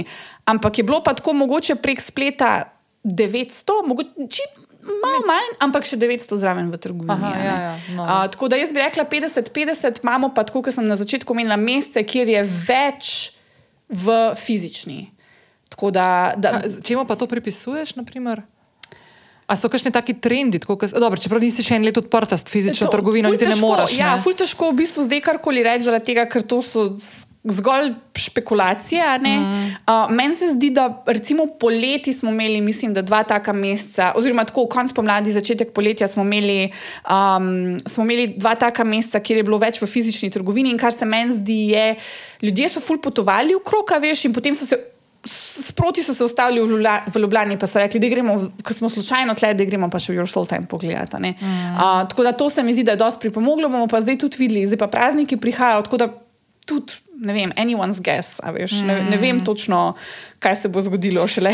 Koliko si, pa, si pa kaj zaskrbljena ali pa ne zaskrbljena zaradi um, COVID-a. ne, Zapiranja, ukrepov. Ne, ne. To imamo že vse pod kontrolo, ja. to znamo, to obvladamo. Ne, tako glede na te neke, ki imamo tako malo, smo traumatizirani, pa vsi malo čakamo, kaj se bo zgodilo v naslednjih mesecih, pa vsi smo malo prestrašeni. Mm -hmm. pa, zakaj te to sprašujem? Zato, ker sem glih par dni nazaj govorila z eno kolegico, ki dela, ki so povezani z dogodki in je rekla, mm -hmm. da vsakič, ki naprimer. Na televiziji ali pa vsakeč, ki je v medijih malo več prisotno to, um, ali inflacija, ali mm -hmm. uh, energetska kriza, više cene, te stvari, mm -hmm. se njim tako drastično pozna na prodaji mm -hmm. kart ali pa na, ali pa na tem, da ljudje skenslajo to, da pridejo. Ne? Mene samo tako zanima, um, glede na to, da pač in jaz in ti, no, delava mm -hmm. na digitalu, pa imamo spletne trgovine, pa to. Da, ok, ti še fizično. Ja, no? ja. Ampak koliko misliš, pa koliko imaš v, v zakup, jemliš te stvari, ali, ali, ali si sploh tako, kaj, ali, ali se pripravljaš na te stvari, ali v bistvu ne? Po pravici povedano, niti ne vem, kako se pripraviti. Uh -huh. A veš, ker tako, ne, kar se tiče fizične trgovine, veš, je kar je. ne. Ja, valjda. In tako, ne mo, nič, nič ne more. Ne, se noben od nas ne more, se nimaš ne, ne, vplivati. Ne, nimaš Ampak čisto me zanima, veš. A imaš to neki tako, mi- ker jaz, na primer, zdaj opažam zadnji teden, da imam kar neko tako tesnobo prisotno. Ne, sto procentno. Pa se mi tudi zdi, da ljudje imajo, pri nas je. Um, pa, prednost je napačna beseda, ampak um, ne bojim se toliko, imam in the back of my mind. Tako da Ja. ja. razmišljam, ono, okay, imamo en kup idej, ki jaz vem, da pač eh, lahko testiramo potem, okay, če, se, če bi tle slučajno, kar jaz po pravici povedano, glede na to, koliko nam zdaj gre, dvomim. Uh -huh. Ampak, če bi slučajno začelo upadati, imam jaz en kup idej, še eno podjetniško idejo, ko hočem delati zdaj na njej. Okej. uh, ene par stvari, ki bi jih tudi sprobali, tako da se ne bojim full face. Dru, uh, imam pa skozi v mislih, pa pripravljen nek backup plan, če bi slučajno prišlo do mm -hmm. tega. a Ne? Neke ideje, ki bi jih rada sprobala, da vidimo, da si pridemo nazaj noter. Mm -hmm. Pa še zmeraj imam super spicy medija, ki ne vem, B2B vprašanje, kako bo šlo. ne. Mislim, zaenkrat kaže Ja. v redu. Ja, ja. Druga stvar, kar pa je, pa tako kot sem rekla, prednost je napačna beseda, um, ampak narava naših izdelkov je taka, da ljudje v krizi in v slabem počutju Posegajo po njih. posegajo po njih. Tako da, tako kot sem rekla, prednost je napačna beseda zaradi tega, ker bo zvenelo, da se jaz okoriščam s tem, Ja, ja, kar štekam. se ne, ker jaz ver- verjamem v te stvari. Ja. Ampak hočem reči, da pač narava naših izdelkov je taka, da po moje, bomo videli, ampak po moje me je lahko malo manj strah. Ja, no, štekam, tako. ne, se štekam. Ej, ful, hvala, ker si to zdaj dodala, ker nisem niti pomislila na Ja. to. Ampak da dejansko se to se je izkazalo tudi v času COVID-a, da so Točno ljudje to, v bistvu ja. v dom svoj hotel um, ščititi oziroma ga lepšati. Tako. Ne, ker smo mislili, da kakšne stvari mogoče ne bojo šle, pa so šle. Ali pa, Tako. naprimer, veš, kaj sem zadnjič slišala, ker sem na przobarju, da je imel ful porast naprimer, zobnih aparatov, pa tega, ne, v, v času COVID-a. V Ljudje je so, ja, ljudje so si šli zobe popravljati v času, ko so pač, ljudje niso videli, da imajo aparat ali pa kar ta zga, veš, ko smo maske gor. Naprimer, niti ne pomisliš. Ne? Ja, Tako kot naprimer, ko so se uh, kozmetična industrija oziroma ta make-up industrija, ki se je ful nauči um, ali pa na kožo, ne, so Ja. šli ful poudarek iz ustnic bolj na to. Ne? In so ful produkte dajali ven, ki so bili povezani z zdravo kožo ali okay. pa z obrvmi, z Ja, ja, linerji ja, in tako ful naprej. zanimivo. A veš, ta, Ja, pač, ja, ne? ja. Ne, ampak to prav v, v, isti, v isto kategorijo nekako padeš. Ne? Ja, Mi smo ja. tudi, če tako gledaš, Meni so si rekli, da sem nora, da sem šla v, v sred COVID-a neko novo stvar delati. Mm takrat, je, takrat smo bili vsi zaprti še. To je, bilo, to je bil ta decembr 2020, ko tako iz občine nismo smeli, da veš. Ja. Um, pa smo se lotili tega, pa, pa se je izkazalo za neko dobro idejo, zaradi tega, ker so ljudje rabili to. Mm -hmm. Pa rabili so nek odklop in se mi zdi, da tle zna biti. Sicer tu je malo drugače, ker je vse vezano na finance, ampak se mi zdi, da vseeno. Um, Narava izdelkov je taka, da nas je mogoče malo manj strah. Pa zdi se mi, da se ljudje prebujajo v te neki, rečemo, spiritualnosti, mm -hmm. itd., ne? in da ljudje nekako iščejo to, to osebno rast v, v času različnih kriz. Mm -hmm. Ali je to COVID, ali je to inflacija, ali karkoli. Ja, ja. Mislim, če eno stvar imaš tukaj ne, v trgovini, v tem ustvarjamo naboru enih izdelkov, da imaš uh, ta razpon cenovni, imaš tudi od Ful. izredno ja. niz, nizkih cen, oziroma cen, ki so dosegljive vsakmu, do ja. izredno unih, ki pač zberejo nek kos, pa je res tako, tako ja. drag. Ja. Tako da, veš, kaj me zanima, kaj pa, kaj pa tako, če imaš iz glave, se to zdaj tako, kot ti nisem rekla, da se prepravlja. Ok, ni panike, ampak ja, ne, tako, koliko je naprimer poprečen nakup, a veš pa ne je cenovno ja, zdaj, ja. ampak a to tako raste, ali a veš, te to boš pa, pa tudi lahko spremljaš, ne, koliko ja. naprimer ljudje skozi nakupe, a je padaje ali kakorkoli. Uh, v bistvu, to je, a veš, da to pa je dejansko ena stvar, ki jo spremljam. Oziroma, jo spremlja bolj Jure, tu, on je bolj tak. On, analitičen. Jaz, on je bolj ja, analitičen, pragmatičen, jaz sem pa tako kreativc varianta. Mm. No, in on, mislim, da je jih na zadnje gledal, da smo začeli. Ampak dobro, to je bilo mogoče zdaj, kak mesec, dva nazaj, ampak ko smo začeli skadili, jaz mislim, da je bil nekje 20 evrov, zdaj pa je 40. Aha, Tako da okay. v bistvu raste z mhm. različnimi izdelki. Itd. Seveda imaš še zmeraj ljudi, ki začnejo, veš, pa naročijo prvi kristal, pa prvo kadilo, pa pač je dosti manjši nakup, ampak se mi zdi, da. Um, Ta naš dober customer support, ta energija, ki jo imamo, um, veš, ljudje nas, ki vprašajo, smo odzivni, itd. Ljudje, ki ostanejo nekako pri nas. V tem času, se, se mi dve pogovarjamo, dosta tem, ampak v tem času je prišlo, odkar smo mi začeli to delati, ful velik konkurentov, mhm. ogromno, ampak se mi zdi, da ljudje kar nekako ostanejo pri nas zaradi tega. Zaradi te energije, ki jo oni dobijo zraven. Tako da potem v bistvu s časom, recimo njihovo prvo naročilo je lahko 10-15 evrov, pa pa veš tako, vedno ve, zato ker vedno vidijo, odkrivajo neke stvari in vidijo, wow, noro, gledaj še to, in začnejo mogoče z nekimi čistko osnovnimi zadevami, pa pa grejo naprej v, to, v te bolj specifične kristale, ki jih dobivamo, ne vem, direktno iz Brazilije in reče, wow, direktno iz Brazilije je to, wow, poglej tako, skoliko je unikaten, to rabim jaz smeta, mm -hmm. veš. A, tako, da, tako da ja, malo zelo lepo raste. Zadnjič, Bajdo, ne vem, če si to, se po mojem si videla, kaj je bila Kaja tukaj. Ja? Kaj je gostja v 139. epizodi, ja? moja uh, finančna svetovalka za vse, upravljanje osebnih financ, je prišla in tle za isto mizo, ki mi zdaj sediva, in si je ona postavila kristale. Tako, ja. In celo mizo si je postavila kristalo, ki je glih v tvoji stavni trgovini tudi prišla. Jaz sem bila, tako sem se smejala, da to moram prav fotkati, zdaj le moram mojci poslati. Tam je obe poslali, ja, ja. Tako je bilo besno, bilo tako. Ja, kaj je super. No, kaj je, naprimer, eno od teh ljudi, ki mogoče še nekaj mesecev nazaj, leto nazaj, nazaj ni vedela nič. Ne, nič. In zdaj je čisto odpadla in je čisto brez. Ja, in zdaj, je, in zdaj je res, ko mislim, da je Glizanič mi razlagala.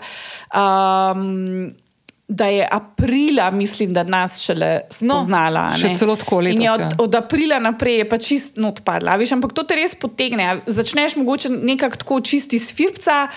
Pol pa že tako, kar nek zbiratelj postaneš. Ja, ja, ja. Vsak kos je poseben, veš, kar neke take specialne kose iščeš. In um, se mi zdi, da ljudje kar nekako ostanejo mm. tu. Veš, pa, ko vidijo kvaliteto, pa vidijo, da smo odkriti, da povem, iz kje kaj pride, da izobražujemo ljudi.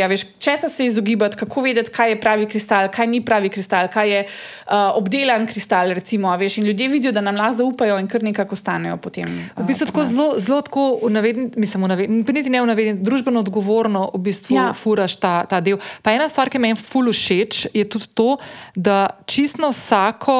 Mislim, ok, jaz zdaj že dolgo časa nisem kupila pretepno bene stvari, ki bi si jo naročila na prek spletne trgovine, zato ker smo pač blizu. Ja, ker se pač oglasiš v tem. Ja, Ampak, tako da nisem videla tega prehoda, tudi ker ste ga naredili naprimer, na takih stvarih, ki mogoče nekdo reče, ah, to pa ni tako pomembno, ja. čeprav je, Vem, ja. pa tudi zato, ker ljudje unboxing delajo in vse živo, ne, in zato, ker smo full bolj um, nedovzetni, ampak odgovorni. Pričakujemo, naprimer, sploh pa od nekoga, ki ima podjetje, ki eh, govori in izobražuje na tak način kot ti, Ja. tudi da pač odkje prihajajo kakšne stvari.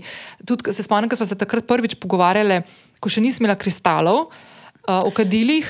Kako, so, kako je žajbel, uh, Ja. žet, se pravi, Ja. da, da, da je, ali pa palo santo, ne, kako Tako. pazljivo, da se tam kar ne dela neko posekavo. Ne. Tako, točno to. Se pravi, da tudi na koncu packaging, ki ga imaš, da je trajnosten. Tako. Ko ravno govorimo o trajnostnih načinih poslovanja, ti moram predati naslednje sporočilo.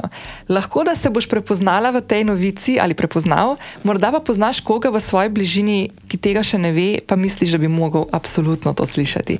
Ta naslednja informacija je namenjena vsem podjetnicam, podjetnikom in podjetjem, ki imate trajnostne podjetniške ideje ali projekte.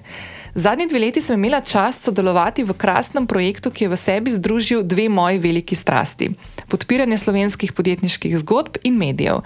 NLB se po dveh uspešnih izvedbah projekta Okvir pomoči, v katerih so malim in mikropodjetniškim zgodbam ponudili pomoč v času pandemije, vrača, tokrat v prenovljeni različici. Okvir pomoči se letos usmerja v trajnost in ponuja priložnost podjetnikom in podjetjem, ki dajajo prednost zelenim podjetniškim idejam, projektom in rešitvam za lepši jutri. V NLB so si zadali poiskati edinstvene in inovativne ideje ali projekte, ki kar najbolj rešujejo izzive na področju trajnosti v Sloveniji in regiji jugovzhodne Evrope. Prijave za letošnji okvir pomoči s trajnostno noto so že odprte in slišim, da se je kar lepo število podjetnikov, podjetnic in podjetij že prijavilo. Imaš pa tudi ti čas, da do najkasneje 22. oktober 2022, torej še slab teden, oddaš svojo prijavo na nlb.si poševnica okvir. Na tej strani lahko preveriš tudi, če tvoja ideja ali projekt izpolnjujeta pogoje, ki so potrebni za uspešno oddajo in sodelovanje v letošnjem projektu Okvir pomoči. Projekt Okvir pomoči letos poteka sočasno na vseh trgih jugovzhodne Evrope, na katerih deluje NLB skupina. Na vsakem trgu pa bo prvih deset najboljših idej ali projektov dobilo bančne ugodnosti in uvrstitev v drugi krok, v katerem bo na to mednarodna strokovna žirija izbrala tri regijske zmagovalce. Trije regijski zmagovalci bodo letos dobili finančno pomoč.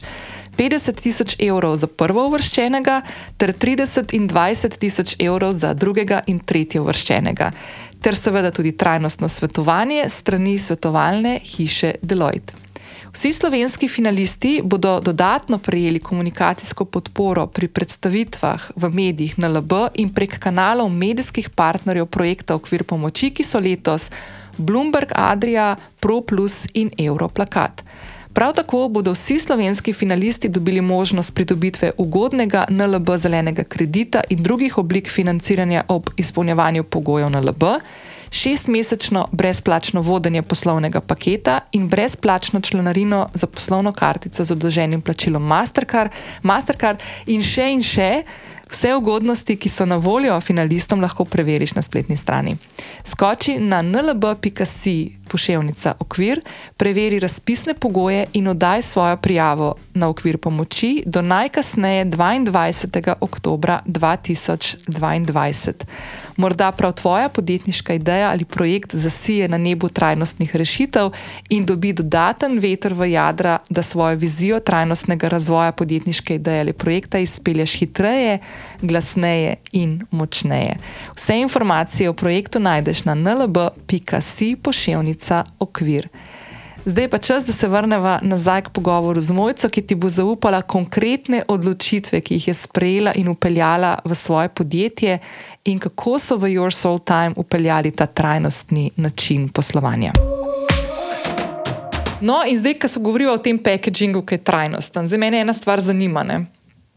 Kaj to pomeni? Kako to zgleda, ti, naprimer, kako si se lotila tega šifta, pa kaj uporabljaš, ki mi je full fajn to videti? Mene od, zače od začetka smo že nekako hoteli. Mi, glede zaradi tega mindseta, ki si prej razlagala, veš, bili smo pazljivi, skje dobivamo mi stvari, skje dobivamo mi, uh, recimo, um, naša kadila, skje dobivamo kristale. Pri kristalih je tudi fora, um, poznaš ta uh, izraz blood, blood diamonds ali blood crystals? Ja, ki delajo otroci. Ki delajo otroci, pa, ja. itd. Veš, nam je bilo ful pomembno. A pri kristalih je isto, kot pri diamantih. Ja, zna biti isto. Pri, sploh pri kakih. Ja, in, in je treba biti ful pazljiv, veš, da ti kupuješ od virov, kjer ne izkoriščajo otrok, ne izkoriščajo delovne sile, da delajo v nekih normalnih pogojih, veš, da imajo oni neko izbiro, da niso prisiljeni v eno stvar. Um, tako da nam je bilo to že od začetka pomembno in se mi zdi, da je kar upleteno v to etiko tudi uh, pač ta trajnost, uh mhm. oziroma vsaj trajnostno pakiranje. Tako da že od začetka smo mi rekli, ok. Vsi paketi, ki jih mi pošljemo ven, glede na to, da je tudi to taka, vse so to naravne stvari, kadilo je naravna, v naravi uh -huh. raste, kristal je naravna stvar. Dajmo mi uh, prispevati k temu, rečemo, ohranjanju narave tudi na drugačen način. In smo mi začeli že od začetka um, v bistvu uporabljati reciklirane škatle. Um, kjer jih izdelujemo v, v enem podjetju, pa nam jih še lepo pobrendajo. Pa to res je, da mogoče malo več stane, uh mhm. -huh. ampak je to ena stvar, ki se meni osebno zdi, da mora biti podjetje odgovorno za to. Non-negotiable. Non-negotiable. Mene, pa ne bomo menjali spletne strani, ampak recimo pri enih straneh me zelo tako, ker malo jezna sem, ker naročaš in imaš na koncu ono, ali želiš ekopakiranje, doplačaj 50 centov. Uh mhm. -huh. Ne. Zakaj ne bi bilo to default, zakaj ne bi bilo to pač vsak dobi eko, eko pakiranje, zakaj jim daš na izbiro? Ne, ti se kot podjetje odloči, da boš to nudilo. In jaz sem se hotela temu izogniti in sem rekla, ok, dajmo mi rajš eko škatlo, eko papir noter um, in riju za to vse, kar mi dobimo. Torej, recimo, mi, ki naročamo, pa zdaj že res tako palete prihajajo. Vlačilci pridajo. Res, ja. res, tovornjakom nam pripeljejo. Da nisi v centru Ljubljane. To sploh nikoli nisem poštudirala, sam res. No, evo, no, ali pa imaš, bi ali pa, ali pa imaš velike kristale, kdo kupa, si predstavljaš, da ga mogoče celo Ljubljano nosi. To pa sem dejansko razmišljala. Veš, to so kakšni kristali na podstavkih, pa tako ja, 10 ja. kg težki. Si to ne predstavljam, da moraš no, do no. kongresa pol dosti. No, ampak mi smo že takrat v bistvu v štartu rekli, ok, vsak paket, ki smo ga mi dobili tudi od dobavitla, smo mi vso tisto filo, zdaj če niso bili res to časopisni papir, že tisočkrat zmečkana, ne? vso tisto filo, vse tiste smokje, biorazgradljive, vse papir, ki smo ga dobili noter, dajmo ga mi shranjevati, pa ga bomo mi, bomo mi uporabljali naprej. Pa smo ga najprej smo ga mi začeli sami uporabljati, torej mi dobesedno, razen tega narezkanega papirja, ki, mi, pa, ki je, by the way, tudi eko, recikliran, razen ja. tega papirja, ki ga mi res kupujemo, ker ga druge, mislim, ne dobimo ga količinsko tako velik, da bi ga lahko uporabili naprej, uh mhm. -huh. pa je fajn kristale zaščititi. Um, vso ostalo filo mi niti enkrat nismo kupili. A teh smokij, ki se. Niti enkrat, pa imamo poškatle. Čakaj, to, to. Way, to so te smoki, ki jih ti pol v vodi lahko raztopiš. Tako, ne? iz ja. škroba se mi zdi, ja, da so. No, A ja, jih ne kupaš niti? Ne, Aha. pa mi imamo tega po cele škatle. Zaradi tega, ker smo rekli, da moramo biti pač tako ekološki, da vse reuzamo naprej, ne vsako uh mhm. -huh. škatlo, vse, vsa polnila itd. In je prišlo že do te točke, da sem jaz začela na Instagramu objavljati, če so kakšni podjetniki, mladi podjetniki, ki se ki začenjajo svojo pot. In jaz se zavedam, da takrat pač ne razpolagaš z veliko sredstvi. In sem rekla, pa te bubble wrape, recimo, so kakšni kristali, ki so fully občutljivi in res nimamo druge, kot pa da jih uvijemo v bubble wrap.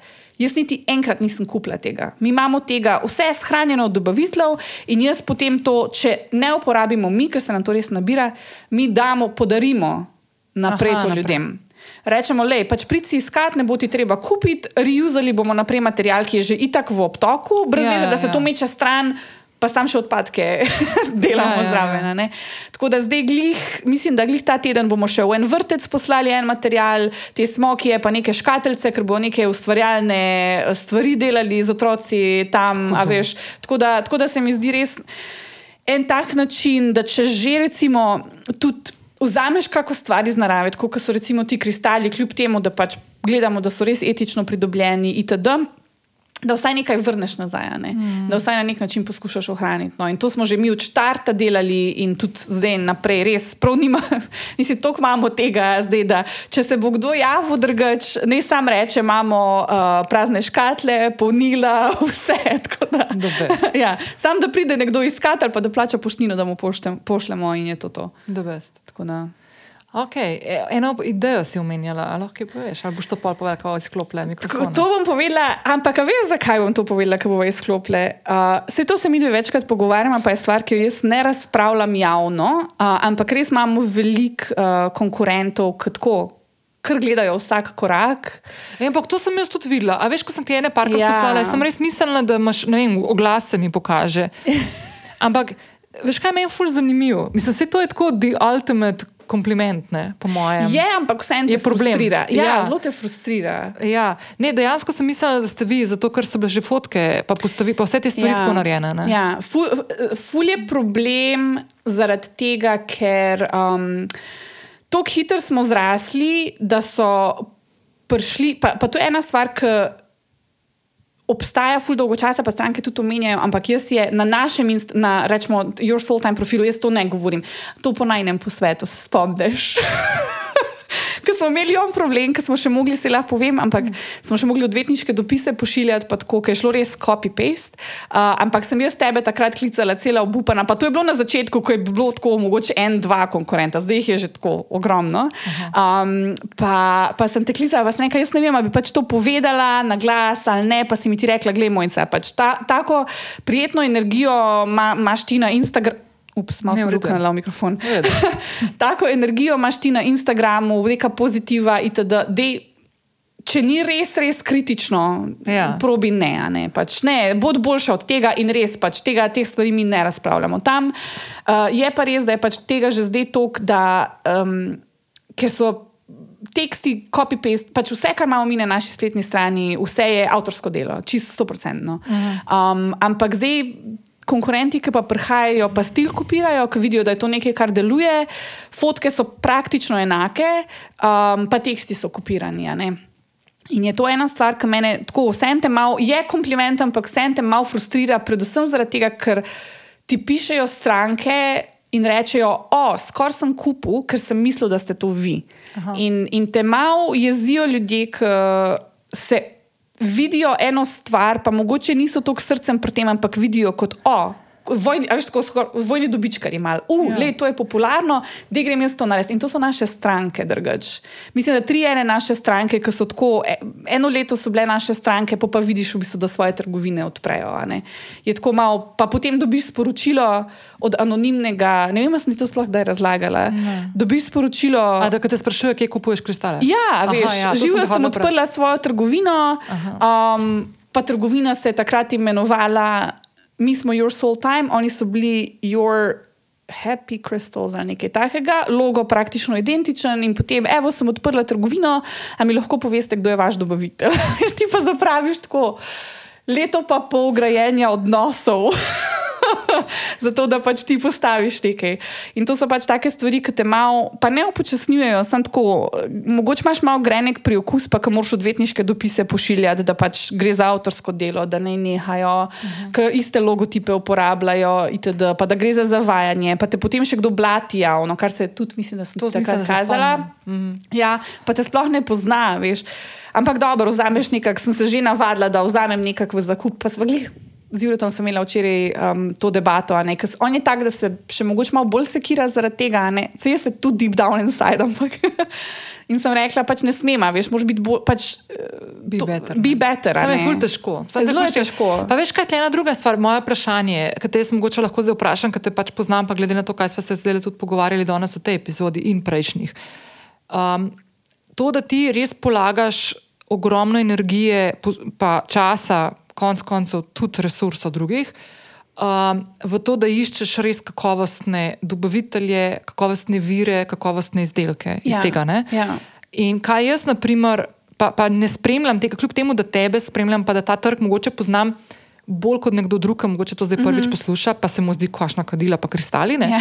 Ampak to je lahko v bistvu na čisto Karkoli apliciraš ja, lahko tudi na, tudi na de, jaz sem imel tudi podoben primer. Ne?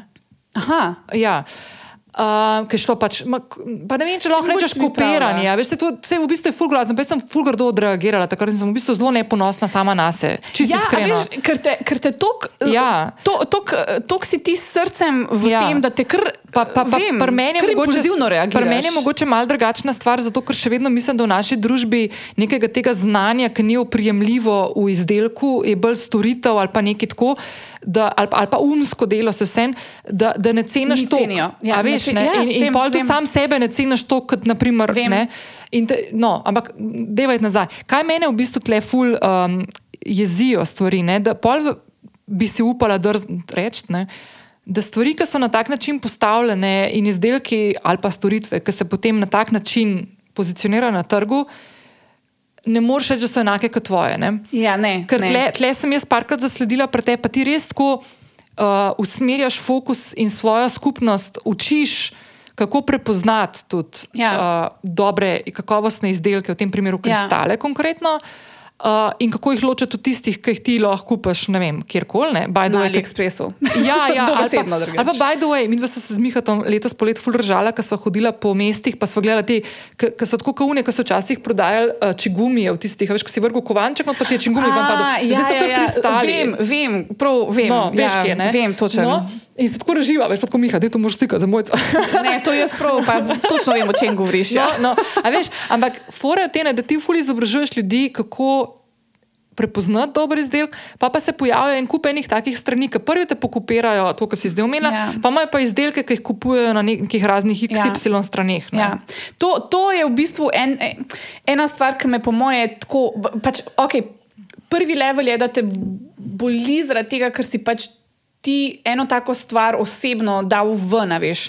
Tako, ta- tak del tebe je, del tvoje duše, vse, vs, vsi napisi, vsi opisi kristalov, vse slike, vse stil, ki smo ga mi razvili. a Veš, jaz nikoli nisem šla gledati enih spletnih trgovin s kristali, pa reč, o, dobro zgleda, vmes isto ne gleda. Ne, mi smo čist nek svoj, če greš naše slike primerjati, pa kakšne večje trgovine s kristali, uh, tako international, re- govorimo Avstralija, Amerika, UK.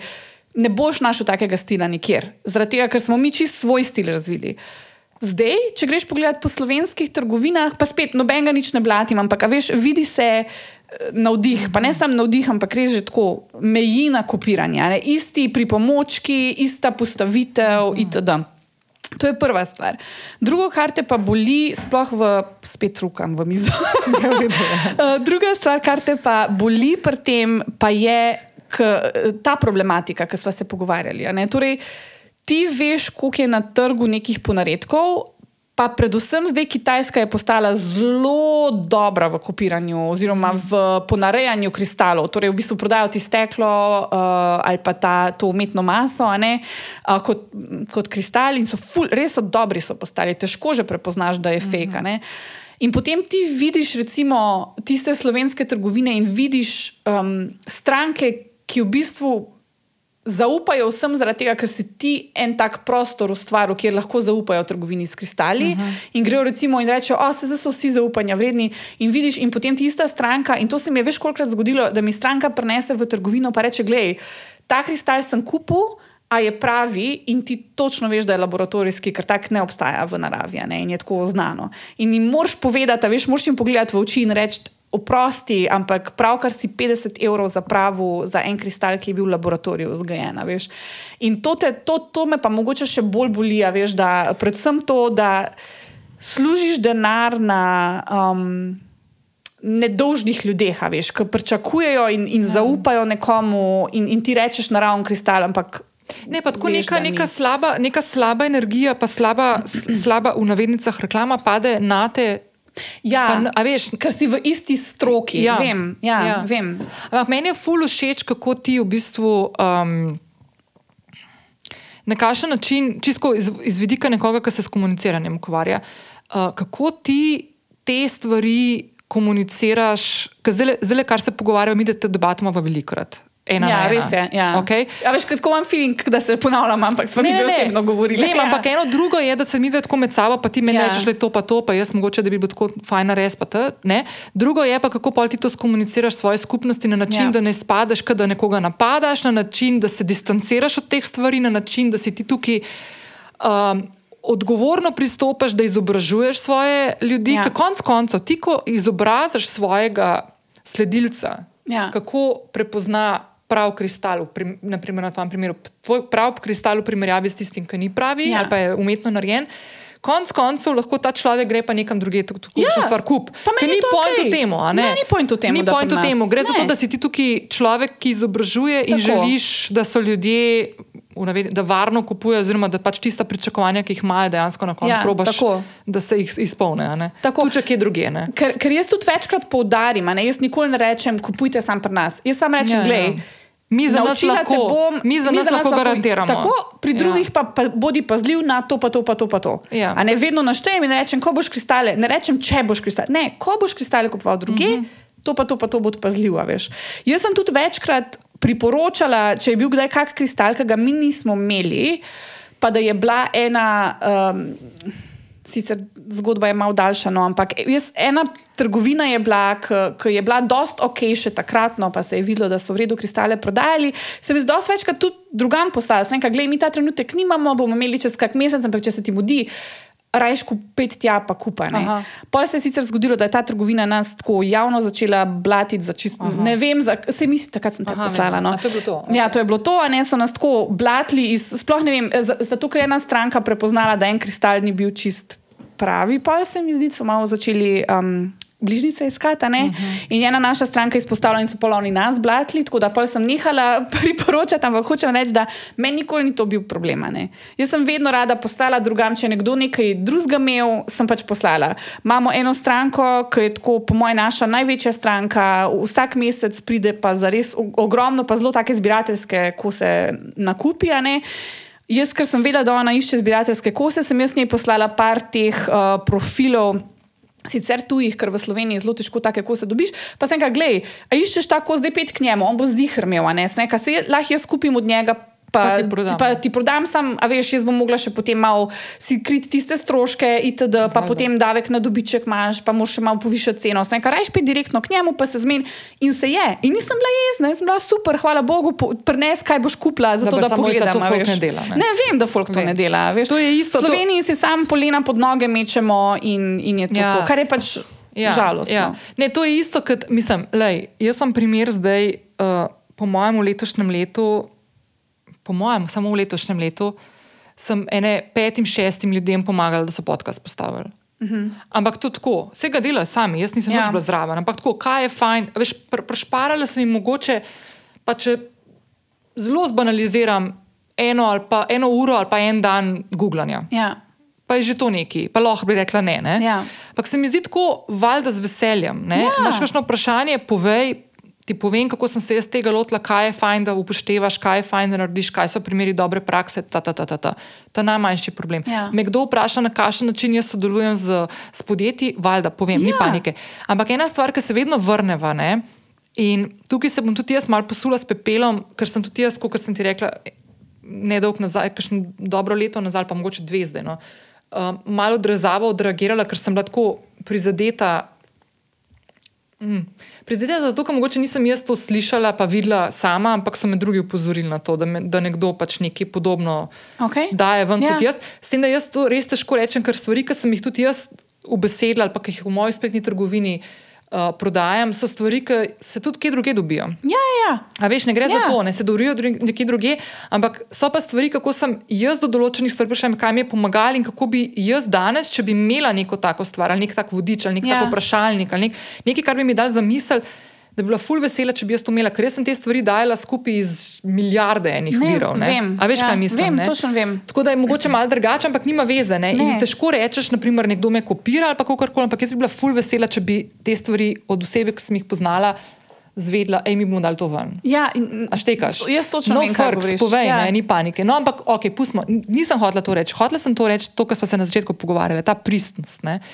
Da nikoli ne bo nik, nihče skomuniciral stvari, kot jih lahko ti. Ja. Ne? Ja. In isto je pri meni. Veš, jaz se tako ful, ful zavedam in to je ena od stvari, ki jo jaz ful pazim in pri sebi delam ta check-up, vedno, Ja. vedno. Kolik, kakšna stvar, ki jo naredim, um, koliko jo naredim res na način, ki je moj. A veš, da ni una zdaj izumetničena. Pa to predvsem takrat, pa ne, ne samo tam, ko imam neke naprimer, stvari, ki so neka sodelovanja s Ja. Tudi in general. Tako, Ne, 100%. A veš, vsaka stvar, a jaz stojim za tem, kar rečem. Ja. Ja. In zdaj, ko gledam nazaj, ker je že toliko enih vsebin bilo narejenih in toliko enih podcast epizod posnetih in tega. So stvari, za katerimi jaz ne stojim več, ki so stare zdaj dve leti. Mm -hmm. Zato, ker sem vmes se spremenila in začela drugače Ja. ja. gledati na določene stvari. Ja. Ampak ni pa nobena taka stvar, tudi pred dvema letoma ali pa več nazaj, bila narejena z moje strani, ki bi rekla, to je pa čist ja. konc. Ja. To je tako, kot po moje. Um, a veš, recimo, če imaš ti eno sliko, ki jo je naslikal Picasso, pomaš pa pač. Eno stvar, mislim, sliko, ki je ista, eh, zdaj sem pozabila izraz, kako se že pač temu- Rep, rep, replika. replika. Ja, eh, ja, a ne.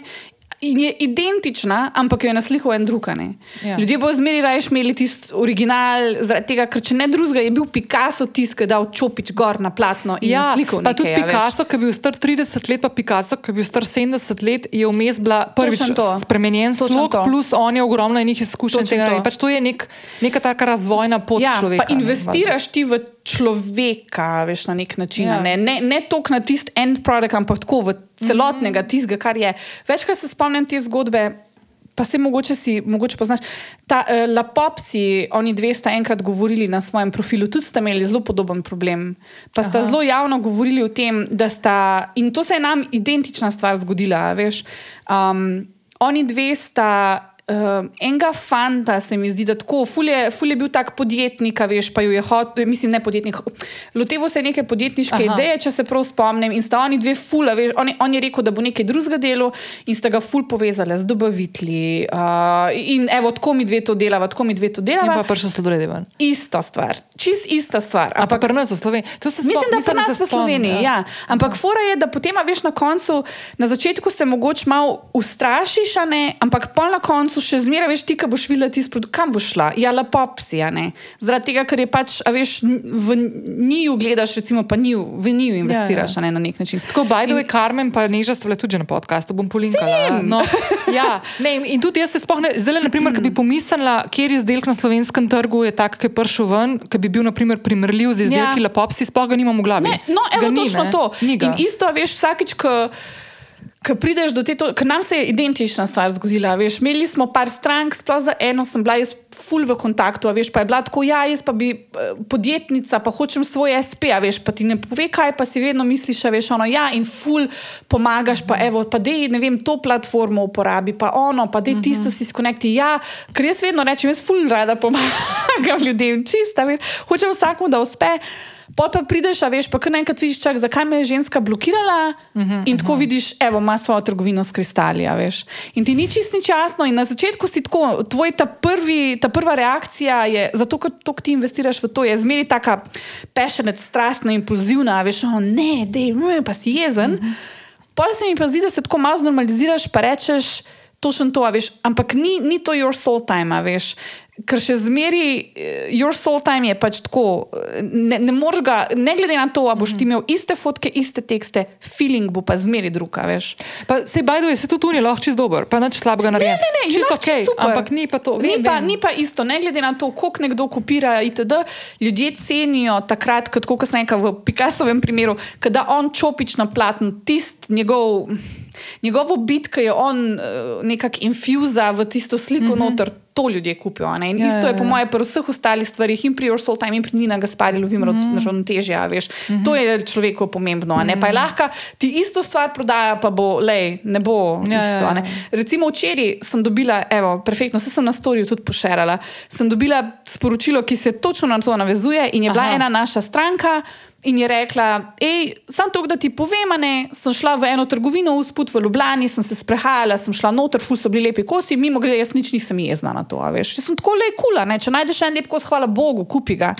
In, ampak je rekla, le, in sem prišla v trgovino in nisem nič kupila, kljub temu, da so imeli ful lepe kose, ker energija ni bila ta prava. Prodajalka mi je gledala skozi pod prste, gr grdo je gledala, itd. Mm -hmm. Feeling ni bil ta pravi in zato jaz nisem nič vzela in sem šla ven, ampak sem ti želela to mm -hmm. Po povedati, zaradi tega, ker to, kar vi ustvarjate, je res pač nekaj mm -hmm. unikatnega. Ne? Mm -hmm. uh, in to, to je po moje to, ne takoj, ko ti sam sebe. Če se vrnemo na začetek, Ja. ker sam sebe daš noter, da na te osebnosti gradiš, ne glede na to, kdo, pri, kdo pride za tabo, pa mogoče poskuša isto stvar narediti, ne bo ista nikoli. Ne, ne bo ista, lahko je dobra. Lahko je ne, dobra, lahko je dobra, ampak je drugačna. drugačna ne. točno to. Ja, ja, ja. In vsak bo potem najdel, kot se američani radi izrazijo, vsak bo pa najdel nek svoj tribe. veš. Ja, in ja, in ja. mogoče bo tvoj tribe your soul time, mogoče pa ne bo your soul time, pa bo nekaj drugega, ampak bo šel nekam, kjer je malo drugače. Pa ti bo mogoče všeč, da je malo bolj hladno, pa nisem jaz tok, se izpostavil. Pa bi raje kupil kristal od nekoga, od neke trgovine, kjer ti ne veš, kdo za njo stoji. Mogoče ja, pa ja. tako, hvala Bogu, pa greš tja. Ne, sem veš, kaj meni fura. Ej, ful mi je dobro, se to pogovarjava. Tako, zato, ker se mi zdi. A veš, je stvar je meni tle fascinantna? Ker ti postaviš eno stvar, naprimer, ne? a veš, jaz tri leta nazaj. V, točno tri leta nazaj, oktober 2019, Okej. ko sem jaz tako razmišljala, okay, moram kupiti mikrofon, da bom začela podcaste snemati, in ko sem vedela, da 9. Nove, eh, 9. decembra hočem imeti podcast zunaj. Uh -huh. ne? Ne, enkrat drugič, zakaj bi ta datum. Ampak, ja, in, in sem rekla, okay, zdaj bom moral še mikrofon kupiti. To? Okej. no, takrat jaz nisem mislila, da bom tri leta kasneje tukaj s tabo sedela in da bo podcast moj poslovni, moja poslovna ideja, moj Ja. poslovni model, Ja. v bistvu stvar, kat- ki jo praktično delam. Ja. ne, Za, za, kot, ja, Ja, edino ja, praktično ja. zdaj. Ne? Nisem šla v to zato. Šla sem zato, ker sem imela nek pešen, šla sem zato, ker sem fulejnih podcastov poslušala, rekla, fuck, jaz bi to imela tudi take pogovorne um, epizode Ja, z ja, ja. zanimivimi ljudmi na, v slovenščini, ker sam tuje poslušam, ni bilo tega takrat, tri leta nazaj, se zdaj Vem, je. Ne? ja, ja. A veš, tako fulne. In naprimer. Kaj jaz v bistvu pri ljudeh, ki se lotevajo na način, da grejo gledati, pa ping-pongat, kje je stvar, naprimer, aha, kristali so zdaj ful dobri, te gre ful dobro, da bom še jaz začel, tega nimajo. Ja. Tega, kako lahko pri sebi spremljaš to, da totalno se, kar je mogoče malo nasprotno, kar so se prej pogovarjali, ker si to, to je to del tebe. Ja. To je to del tvojega DNK, to je to uživanje v tem, kar počneš, da si oropan, si, če ne greš po tej poti. A veš? Se strinjam, tisoč procentno. Tisoč procentno. Res. In tudi une, vse tiste stvari, ki se zgodijo, ki niso bile lepe zraven. Ja, ki se zgodijo, ki ti ne gre neki Ja. skupaj. Ja, ne? ja. A veš, vse te stvari nimaš tega. Ja, to si ful dobro povedala. In meni je ful hudo. Meni Ja, je ful ja. hudo, ko vidim nekoga, ki gre. Ali pa, naprimer, to sem, to sem imela za ene parkrat, ko me kličejo, kakšni, ali, pa, ali pa ne vem, vidim, ne, ne kličejo. Naprimer, to se je zgodilo. Evo, konkretno šaura, bom dala Davidu Z- Zupančiču, ki ima ta umetnost Ja, lenarjenja. ja. On je dal, jaz ga nisem sledila na uh, Instagramu, uh, sem ga na začetku COVID-a, pa sem malo nehala, pa tako pač, ko prideš, pa greš. No, in mene nekdo kontak, mi reče, hej, uh, mogoče pa lahko pomagaš Davidu. Ne? In sem videla, da je objavil na Instagramu, da razmišlja o tem, da bi imel podcast in okay. če je kdo, ki mu lahko pomaga. In jaz njemu pošljem sporočilo, da je David, klej, tukaj, tukaj, če kaj rabaš, jav se. Reč, ja. In sva se slišala. Ja. In sem mu jaz malo povedala, on je tako rekel: Ja, se jaz razmišljam, veš, ko bom dal knjigo, ampak tako razmišljam, da uh, bom dal vam podcast, tudi pa to se neka super, David, se neka super. In naprimer, on je eden od teh ljudi, ki je od mene dubo tako, kaj bi bilo fajn, da imaš, Ja. pa pa laufi. In, naprimer, To- točno to. A veš, in so tako ljudje, naprimer, ki so me vprašali za podcast, mislim, ne vem, če bi bil David ta, ne mislim, da ni bil David ta. Ker, naprimer, tudi Miha, naprimer, ki je Ja. šel ven s podcastom, veš, tako, kako ne se tega lotim, kako ne imam epizode. Ej, kolikor ti bo sedel. Točno to. Ker se boš v kalupu v en kalup, ki ni tvoj. Ja, ja ker jaz tudi včasih si tako rečem, ok, enkrat na teden podcast epizoda, to je kar, to, to ni easy Ja. več, ne, mislim. Ne? A veš, ampak jaz, na primer, zdaj sem navadila svojo publiko, da je v petek. By the way, ti povem eno stvar. Jaz običajno v četrtek zvečer počakam, da je polnoč Okay. in objavim podcast. Okej. Zakaj? Ker se zdaj ugotovili neki. Um, Mislim, da glih tisti dan, ko sem dajala, zdaj septembra a, po poletju ven z Mihatom, ko smo imeli epizodo, ja. se mi je zgodilo, da sem zjutraj objavila in je na Apple podcast rabljal dve uri, da ga je potegnil. So ti ziher pisali. Ja, valjda, jaz ti reč ne povem. Jaz imam, jaz imam tako, veš, um, ko naj ti rečem. Ful zanimivo, to po mojem imaš ti isto, ne, kar rečeš, ne vem, bila sva v Nemčiji na sejmu in pol, kako to še ni na trgovini, ne, v trgovini. No, Se ista stvar. počutiš, Ja, ne, tako? mene, ko, kontak, mene kontaktirajo ljudje, ki so, pripra- ki so, ki Ja, vejo, da v ja. petek se bojo vozili v službo Ja, zjutraj in vem, pač bo vem, podcast tam, ja. ne. A Ti pa veš? si tako, nisem vedela, da kdo spremlja. tako da- Ne, vem, vem. Ja, a veš, Jaz ko- isto, ko rečem, če 14 dni bo nekaj, pa, pa se nekaj zalomi, pa carina traja. Ja. Pa Ja. mi tako piše nekdo, ono, ja, 14 dni je pa tako, o moj bog, ljudje so res pač si to zapomnili. to. Ja, ja, ne, ampak je res ta, ful je taka lušna stvar. Ne? In Naprimer, to se spomnim tudi pri Mihatu. Glih včeraj so se tako se režala, včeraj so bila na enem sprejemu uh, in so srečala Lukata, tega, ki dela nama editing zvočni. ne. Aha, ja. In Tudi Mihatu. Miha Ja. ga je prvič videl živo. ne. Ja. In jaz, ko le res obstaja, to je Luka. In je bilo, ful je bilo dobro, ker Miha tako ko je razmišljal o podkastu, pa je skoja, to rabiš, pa to rabiš, pa to, mislim, ne da rabiš, se ni nujno, da Ne, imaš ne, ja. musko, musko. In Miha je tako že začel, pa je guštija kontaktiral, pa tako, pa fultko mal, pa tako, da bi musko dobil, pa se pač ni nič pol zmenil, pa to mu ni bilo všeč neki, pa je nekaj dobil, pa je poslal Luka, to pa je Luka rekel, to ful ni dober ritem. Pa pa tako Miha naredi, veš kaj, in mi ni niti povedal. In se je celo poletje drajsu na Benžotu.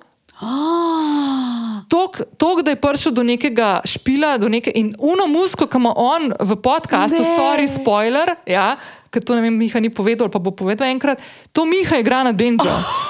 Zdaj pa tako, še ena No. stvar, in mi je full the best. In še ena stvar, ki mi je tako the best pri tej stvari, je, da Mihatova nova knjiga, ki boš, to, ki boš šla brati to Okej, osebno, okej. je noter en del, ki veš, odkar gre on to, uh, kao, čez te odkrivanja nekih teh New Age-ovskih Ja. stvari. Ena stvar je noter tudi Feng Shui. Okay. In pri tem Feng Shui je Benjo noter. In je ful dobra stvar, zato ker jaz sem zdaj njemu, re- ne bom, ne bom razkrila. Tisti, ki ste prebrali, veste, o čem govorim, ti si še Okej, nisi lotila, nisem, ja, jaz imam boš videla druge pol. knjige, Ja. No, ampak je fora v tem, da sem sam Miha to rekla, a si že glico tega Feng Shui mostra mu rekel, what the fuck. Okay, okay, Tako, okay. Ker je na glavo postavil teorijo od Feng Shui Okej, mosta. okej, In mi je ful, okay. in to je ta stvar. Ja. To, a veš, kaj Miha tudi tako naprej, ja, pa to ful stvari, pa to, pa, ta, ta, pa ful, nisem si mislil, da bo to dela, ne? Ja, In sem rekla, le naredi, da bo tebi kul. Cool. točno to. Naredi, če to na dva tedna, ali pa ne vem, vmes, a boš hotel vmes neko epizodo, ki boš imel nekaj zapovedati, naredi neko bonus stvar, ali pa da je neko novo rubriko noter, karkoli tazga, ampak da je uživi v tem. Točno to. A veš, Ja. ne bo neka taka igrivost, radovednost, odkrivanje, uno.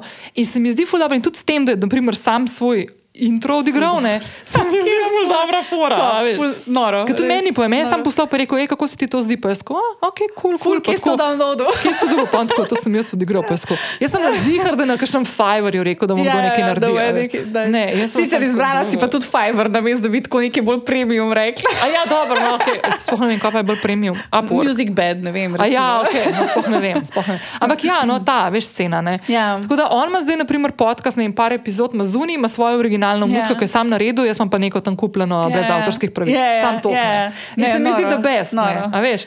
Ampak to so pa te stvari, ki daš malo nek ja. Delček, ki ga drug ne more imeti. Ne. Pa naredijo pa to celo izkušnjo, naredijo unikatno. Torej, zdaj vsak, recimo, ki bo šel, pa škoda, da ni tega skomuniciral, ker bi bilo pač čist epika, ne? Se mogoče pa bo, pa sem jaz zdaj spoilala. Upam, Ni važen.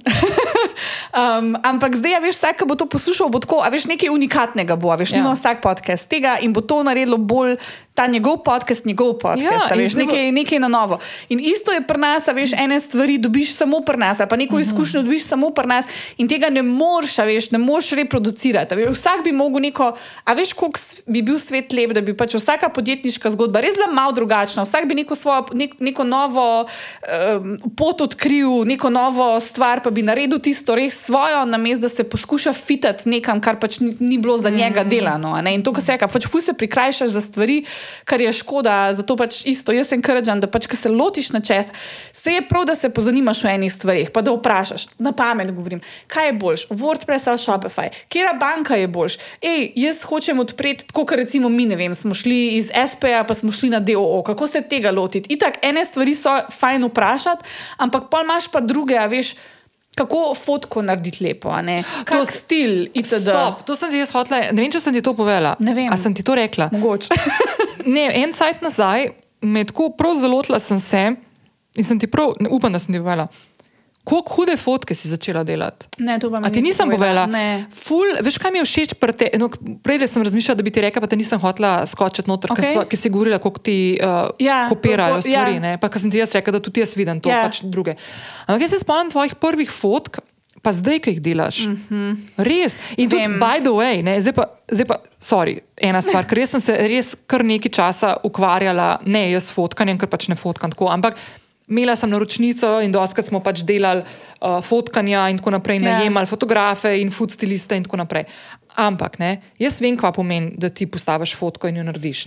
Okay, to ni tako škljoc. Ne, ne. No, in ko te reče, da imaš ti tisoč plus izdelkov na spletni trgovini, raje se ne vprašam, kdaj ti fotke delaš. Ne, ne vprašaj. Ja. Ja. Delam zelo tako pozno zvečer. Ja, pa, ja. pa zelo sporadično. Ja. Ja. Ne? No, ampak veš, to so stvari, naprimer, ne, ki lahko bi. Ja, Poenostavlja si, ne? Lahko bi poenostavila, ampak Ja. ja. ne, jaz sem hotela, veš, nek svoj stil razvijati. Jaz nisem hotela, iti- jaz, jaz, jaz sem hotela, da mi postanemo nek tip fotk, ki je tako značilen za nas. Ja. Pa smo testirali, sej tudi tako, če greš gledati fotke za nazaj, smo testirali ful različnih Ja, ja, stilov. ja. a ne. Um, pa se tudi potem pri enih uh, konkurentih vidi, da pač kar isto sledijo. a Veš. Aha, Takrat kar na začetku ne. je prav isto bilo, zdaj je isto, zdaj naprej, ampak ni važen. Uh, hočem reči, da se tudi ta stil se je razvijal. Začeli smo tako, pa, pa sem videla, ok, ne, mogoče mi ne odgovarja to, dajmo malo tako narediti, pa dajmo rajš to, pa dajmo to lučko rajš sem na mest tja, dajmo to ozadje. Tako da sem pr- tudi. Tle se rast vidi in tako, kot si ti prej rekel, kar si ful dobro poveda, ful si prikrajšan za to, če greš kar nekam noter in tisti izdelek, tisto od konkurentov, na hitro, na prvo uč zgleda podobno, ampak ko pogleda, a veš, ni to dovršeno. Zakaj? Ja. Ja. Zaradi tega, ker so oni rekli, aha, ona uporablja take posodice, tako zadje, take um, Dodatke. propse, dodatke. Ja. Ja. Dajmo mi isto narediti, pa isto postaviti, pa isto fotkati, sam ne, ne, ne zgleda. Ni, ni Ne, onega X faktorja, pa obdelava fotke, pa kako jaz tisto nastavim, pa kako je svetlo. Veš, to so pa ene nianse, ki jih ne moreš. a Ja, veš. ker pa ti zato, ker imaš toliko za sabo teh Tako. fotk, ki si jih poškljocala že verjetno na Ta- tisoč. Tako, ne? in to je zmer tako, lej, pač neko po, svojo pot id, ker tista pot bo vedno najboljša. Namesto, Ja, da greš ja, pač ja. capat za enimi drugimi, škoda, zaradi tega, ker pač uspeh ne bo tak, kot bi bil, če bi ti šel narediti nares nekaj svoje, pa sebe infuzil. Ej, by the way, veš, kaj bom zdaj dala noter? Uh, čak, da vidim, če tle vidim na, na pol, knjižnih policah. Mislim, da ne, ker sem jo nekam včeraj predstavila, nekam nižji. Ampak, v glavnem, ker sem les na tvoji delavnici uh, Facebook oglaševanja pred COVID-om. Okay. Februar Se 2020. se spomnim. pravi- Ja, še, v, ti si bila v živo. Si bila v živo? Ja, v živo, ja. v živo. Jaz pa Maša, sva obe pa šla Ja, ja, se spomnim. Si nam dala za darilce eno knjižico. Ja, spomnim se. A se spomniš ime? Uh, ne, spomnim se avtorja. Still like an artist. Ja, oh, okay, Ne? ja. Okay. Zato sem zdaj to omenila. Ja. Zato, ker a veš, so določene stvari v delu, ki ga upravljaš, ali pa ki postavljaš svojo podjetniško idejo, vse vse. Ja. So neke stvari, ki greš. Ne, k knjigam ali pa kakšnim podjetnikom ali pa na kakšen social media kanal ali pa na kakšen YouTube uh, video Ja. ali karkoli, da pogledaš pa vidiš kakšno bližnico. Ja. Pa vidiš neko stvar, Ja. pa rečeš, ha, to bom pa tle vzela, malo tega, malo tega tukaj, ampak pol moš pa neko svojo gmoto narediti Ja. iz tega. Ja. Ne? Perfekten primer, oziroma eh, tako, v, v praksi, kako bi to izgledalo. Jaz, če bi komorkoli svetovala, um, kako pristopiti do social medija, bi rekla, da je bo to oseben, a veš, uh, itd. Um, pa, pa sam sebe, recimo, pokaž. Uh, ampak. In, in ena stvar je, da to lahko počneš in počneš to na svoj način. ne. Zdaj, tudi ti, recimo, če bi kristale rečemo, šla prodajati, ti imaš čist drugačen prezens, kot pa jaz. Mm -hmm. veš, In ne bi bilo isto, bilo bi zelo različno, ampak vsaka malo po svoje. Drugo pa je, da greš pa recimo ti potem take specifike, kot so, recimo, kaj jaz delam na storih, ne jaz plešem na vsak, n- to ja. pač plešem. A veš, drugo pa je, da ti rečeš, olej, tako mat pa ona tako pleše, da grem jaz isto. A veš, tu pa ni več. Tiste pristnosti. Ja, ja. Ja, Lahko si pa čisto oseben, pa ti nameš, da boš plesal, boš, kaj jaz vem, prevale delaš, ne vem, Ja, nekaj ja, ja, brezveznega. ja. Ne? Ampak to hočem reči, da pač eh, takoj, ko greš ti malo po svoje, ti bo najboljš, zaradi tega, ker Ja, boš ja, to ja. ti in ne bo ti treba nikoli razmišljati ono. Kako kak bi ona zdaj to naredila? Ne, narediš tako, kot ti narediš. Ja. Ja. In, in to je najboljše, Ja, in to ja. ljudje pričakujejo. A, by the way, ne bom kristalov prodajala, samo da ne bodo. Če boš, ti dam številko dobavitelja. Ja, ja, ja. najmanj, najmanj. Ne, ne. Ampak veš kaj, to je res, to je tista fora. Jaz sem imela pred um, par meseci, preda, oziroma okroglo mizo um, na temo pristnosti. Ne? Oh, nice. In je bila tako res. Res je bila ta scena, ne, da tisto sekundo, ko se začneš o pristnosti pogovarjati, začneš izgubljati pristnost. A veš, to bo ja. ti, ne? Ja, ja, ja. ja. Veš pa vse erga, vse je tako kul, cool, v redu, Ja. ja. to, ne. Ker mene tudi kdaj kdo vpraša, ne, ja, k, uh, kao, kako pa si ti storije pripraviš, pa to pa je sko. Uh, ne. Ker se pač narišem gor in je to to, ne. Je pa ful dober, dober, Ja, ja, do, ja. dober pustimo zdaj, če imaš kak promo, veš pa tako, kot sem včeraj šla čez trgovino, kaj imamo novega v trgovini, pustimo, ne. Ampak tako, ko mi kdo kdaj reče, ne, ja pa ko, si ti naprej napi... Ja, ne, ne, jaz pač prežgem kamero pa posnamem, a ne. In takoj, če bi jaz, jaz ne znam tega obesediti, zaradi tega, ker to delam podzavestno, ne, takoj, ko pa poskušaš obesediti, mm. verjetno pa si takoj manj, manj, manj pristan, ne. Tako da so valjda neka strategija, a ne, ampak. Um, ampak to ti lahko zdaj povem en ful dober. Um, čeprav me niso vprašali, ampak. Uh, sem vesela novega znanja.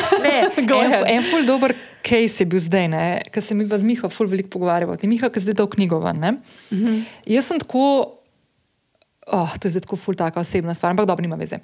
Um, jaz sem 20 let. Uh, delala, oziroma sem pa tja še kdaj no, delala PR. Ne? Se pravi, da sem jaz, naprimer, svojim naročnikom ali pa delodajalcu uh, svetovala, pripravljala in konec koncev vodila neko komuniciranje z mediji in mm -hmm. skrbela za to, da se je neki izdelek ali pa nek človek ali pa neka storitev pojavljala v medijih na način, ki smo si ga mi želeli, da, na kakšen način smo si pač želeli, da bi bili izpostavljeni. Okej. ne. Ali šlo za neko, ne vem, intervjuje, ki smo jih zrihtali, ali kakšne krajše novičke, whatever, se nima veze. V glavnem, to, da je bila neka prezentacija v medijih. Ne? In, naprimer, zdaj, ki je Miha poleti, ki smo se tako ful pogovarjali o teh stvareh, pa je razmišljal, kako bi, kako bi to naredil, pa tu na levo, desno, bajdo je to itak založba dela, ne? ampak tako. Je fulkrat me kakšno stvar tako vprašal. in Jaz sem tako vedno tako v fulu dilemi, sem rekla, jole, ok, jaz ti bom pomagala, če ti bom lahko, ampak nočem nobenemu stopati na, na prste. Druga stvar je pa ta, da jaz nočem biti ena od tistih partnerjev, ki pride pa pol ful pametuje. Ja, Yeah, ja, yeah, Veš, ja. pač jaz, jaz nikoli nisem nobene knjige dajala ven, da, da bi vedela, kaj to pomeni. In zdaj tako ne. Nobena stvar, ki se je zgodila zdaj v zadnjih dveh mesecih, ni bila narejena strateško. Uh -huh. A veš, ni bilo tako. Miha, to sem jaz rekla, le, dej, če te zanima tako podcast, pa to, pa glede na to, a veš, kaj on je rekel, tako dve tretjini knjige, ki sem jo na- napisal, nisem dal v knjigo. Ne? A sem Aha, dal samo ja, ja, ja, tretjino. ja, ne. ja. Pa se, ti imaš ogromno enih takih stvari. Uh, ogromno enih takih istočnic, ki bi jih lahko uporabil. Uh -huh. ne, se, ka, le, zdaj nimaš kolumne, kaj pa če bi mogoče imel neko platformo? Ja, ne, tako? In je ja. rekel, a bi mislil, da bi bil to podcast. Rekel, ne, ne probi. Ne, to. Pol, naprimer, uh, ne vem, je bil pri meni na podkastu, sva se pogovarjala, tudi nisva neke strategije imela, kaj Ja. ja. smo pogovarjala. Veš, ampak Ampak je bil ko- ful dober podcast. Ja. Ampak kaj se je zgodilo? No? Hočem povedati, da zdaj v bistvu tako je ful vprašanj dobim, tako, ej, uh, kako sta videla to zastavila, ali pa ne vem, bilo je, bilo, no to pa umenila, ker to mi gre pa ful na živce. Bila, bila je na dan, na dan, ko je imel predstavitev knjige, Okej. uradno, ko je šla ven, ker je bila pred dva tedna pr, uh, predprodajna akcija, ki jo je okay. založba njegova naredila, ampak na dan njegove predstavitve knjige, ko je uradno šla knjiga ven. Sem jaz prvič knjigo imela dejansko v roki, fizično, z naslovnico, to, ki je ta prava, Ja, ja, kot ja, prej je bila ja. tista Vem, ja. prazna. Ne? In, je, in sem tako fotkala, dala na Twitter, in je ena kolegica, PR-ovka moja, mm, napisala, da se štekam, full dobro cross promotion, ampak lahko bi bila kakšna objava manj. ne, kao. A Veš, ma- Malo mi je dala vedeti, da posiljuješ stvarmi. ne. Hmm. Pa se strinjam, da verjetno res lahko, da posiljujem stvarmi, ampak veš, tam obstaja unfollow gumb. Ne? Ja, true. A veš, ja, kaj mislim? Ja, vem. In sem, tako, in sem to tudi nazaj napisala. Le, v bistvu ne gre za to, da delam cross promotion, gre za to, da konec koncev. Večina stvari, ki sem jih jaz tako naredila, valjda sem mu pomagala, kjer sem mu jaz lahko Ja, ja, prišel ja. k meni na podcast, Ja. ja. gostovati, hvala, sem dala jaz tudi udelila njegove stvari, Ja. ja. pa link do prednaročil pa tega. Ampak sem si mislila, le, tudi moje sledilke verjetno bo zanimala ta knjiga, pa bo dobila ceneje, zdaj je prednaročilna 100%. akcija, whatever. Ni zdaj una, da bi zdaj bila neka težka strategija zadnji za tem. Ne. A veš, ampak konc koncev je šlo za to, da jaz stojim ob strani nekomu, ki je v mojem življenju, ki mu želim vse najboljše na tem planetu, Ja. ja. tako kot bom tep naredila enaka, razumeš? ja. Ampak, what the fuck, ne? In druga stvar je, zdaj dobimo vprašanje tako, hej, dobro ste videli tale, tole strategijo naredila. Sploh ni bila strategija modelija, veš, tako, mislim, vse je bilo full fine, ampak zato, ker je bilo organsko, je bilo Ja, narejeno, ja, ja, zapeljan. točno- A veš, to, ni bilo to. zdaj. In zdaj sem tako že fulkrat sem srečala, sreča, hej, mu ti to delaš? Ne, ne delam, sploh Ja, ni fora o ja, tem. ja. Ampak tisto sekundo, ko sem mi dva javno povedala, ja, sva par, ja pač lej, ne, V- Vem. Ja. Am, ja, se, se je prepletla zadeva. Ja. Ampak to si, to, si, to si dobro rekla, da pač včasih, uh, ko delaš po nekem feelingu, se lahko zunanjemu opazovalcu zdi kot ful, ful, velika strategija. Pa Pa ni. ni, ne? Ne. Ampak ti sam imaš nek. Srcem nekaj delaš, po feelingu nekaj delaš, In dobro izpade na koncu. Ja, tako lahkotno gre za neko tako stvar, zato ker si verjameš. Točno to. Veš, to, Ja, je ja, ista, ja. to je ista stvar, to je ista stvar, ali pa zdaj, ko sem bila, čakaj, kje je bila neka fora. Mi tako reče kolegica, pa zakaj si kupila, to se bi ti jaz lahko dala. Lej, če jaz skozi govorim, podperi te stvari, Ja, ja, da ja. si rajš drek pišem, da grem nekomu reči, Ja. da mi daš karte To- za koncert ali pa Ja. mi daš nekaj. Pa je lahko Ja. to cankarjev dom ali pa ena, ki dela mehne stvari, pa je samostojna Ja. podjetnica. Ja. Ne Ja. bom, rajš, če mi boš ponudila, ajde, v v redu, če imaš preveč stvari. Ja. Ampak ne bom pa šla z namenom, da rečem, nekaj mi daš za ston. Točno to. Jaz sem Sorry. tudi tvoje stvari kupila. Ja, no, Tako da meni se zdi to ta gesta sploh ne. Mislim, valjda ne. a veš. Valjda, ti si tudi moje stvari kupila. Ja. No, vidiš, re. Ja, Tako da. no tako. A je še kakšna stvar? Aj, ne, da mi povej, kaj še načrtuješ kaj v naslednjih mesecih. Dogodke imate zdaj. A ja, sam res, to sploh nisva. Dogodkov imaš zdaj ful, ne? Ja, zdaj recimo z fizičnim. Prostorom, kaj smo mi hoteli tudi narediti, je komunity malo povezati skupaj.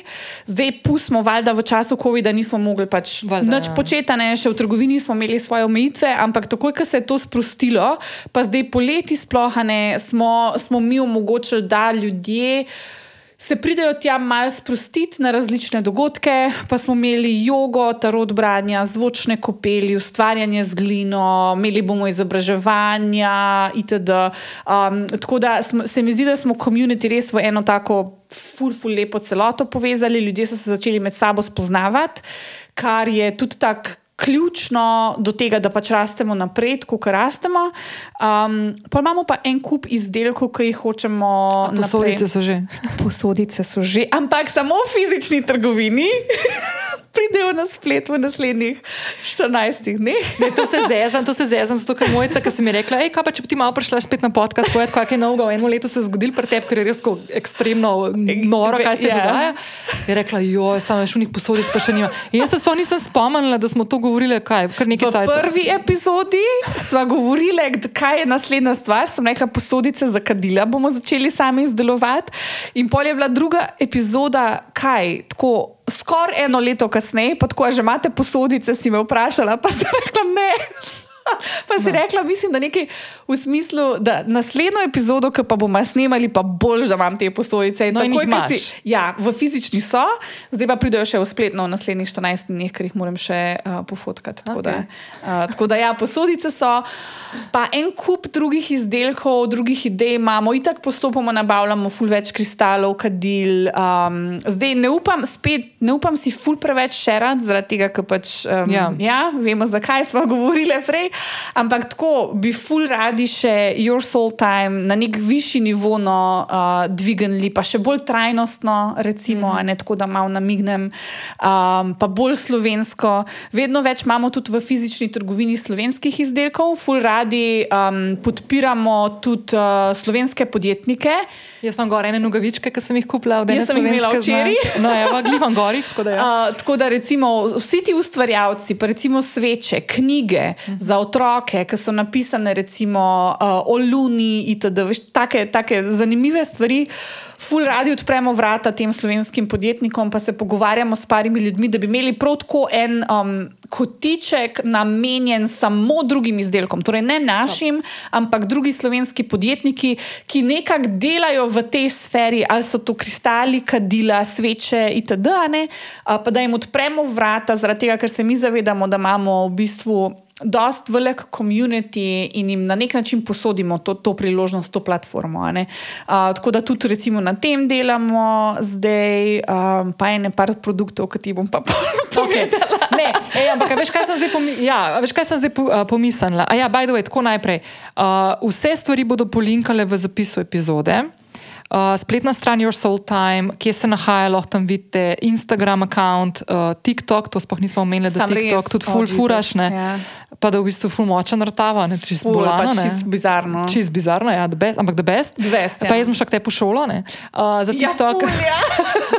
Tako res mi je to čista bio platforma, ampak ja, da vest. Fum je huda, ampak ja. nekako se ne spravim jo ustvarjati tudi vsebin, ampak bolj gledam Ja, druge. ja. Um, to, ampak eno stvar sem pa hotela reči. Um, jaz sem imela v pomladi gosta Marina Medaka, ki ima uh -huh. dela spino. Ne? Mhm. Ja. Poznaš, valjda si imaš očala. Imam njihova. očala gor, No, zato mi je to the best, ne, itak, pol na koncu smo itak vsi tako. No, in Marin ima eno ful lepo prakso, uh, ki ima izdelek meseca, en okay. slovenski izdelek meseca. O, nice. In vedno tako nekako tudi zraven da, naprimer, ker ti kupiš neke stvari in neko okay. malenko zraven dobiš. Ne? Okej. In se mi zdi to tako ful tak. Um, Ne gesta, ker to ni gesta, to je že tako strateška odločitev. Tako kot si ja. ti zdaj rekla, da imaš pač tam postavitev in da pač imaš uh, slovenske izdelke, ki niso vezani konc Ja. koncev na te. Ne. Ne? In da imaš to možnost, da tisti tvoji, ki pridejo, da spoznajo še nekaj novega. Ne? In, to, in da skupaj pač podpre. In to je ta ključna stvar, ki meni ful fajn, pa ful ja. všeč pri pri nekih teh mladih, zagnanih podjetniških zgodbah, ki se podpirajo en drugega. ne. Ja. Ker hočem zdaj to tako zaključiti tudi zaradi tega, ker smo danes veliko govorili o, o tem, kako postaviš neko svojo stvar, kako gre lahko v neke ekstreme, ki si jih niti nisi predstavljal.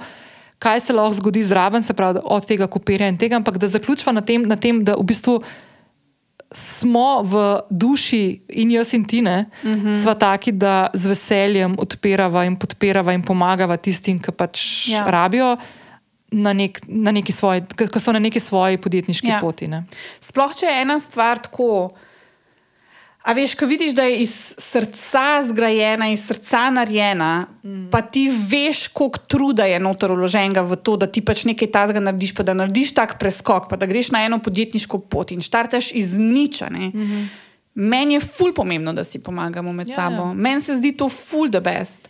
Zato tudi tako, kot sem rekla, meni nikoli ni bil problem tudi dru v druge trgovine koga poslati, če jaz vem, da so tam v redu stvari, da ljudje delajo s srcem, ne, da bo ta prava energija.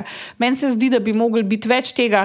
Pa tudi tako moram reči, da ljudje, ki pridejo v našo trgovino, pa zdaj tistih par izdelkov, ki so od drugih ljudi, ki vidijo, ne, ful so um, presenečeni na pozitiven način in, se, in vsak stavek, ki ga čist vedno slišim, je.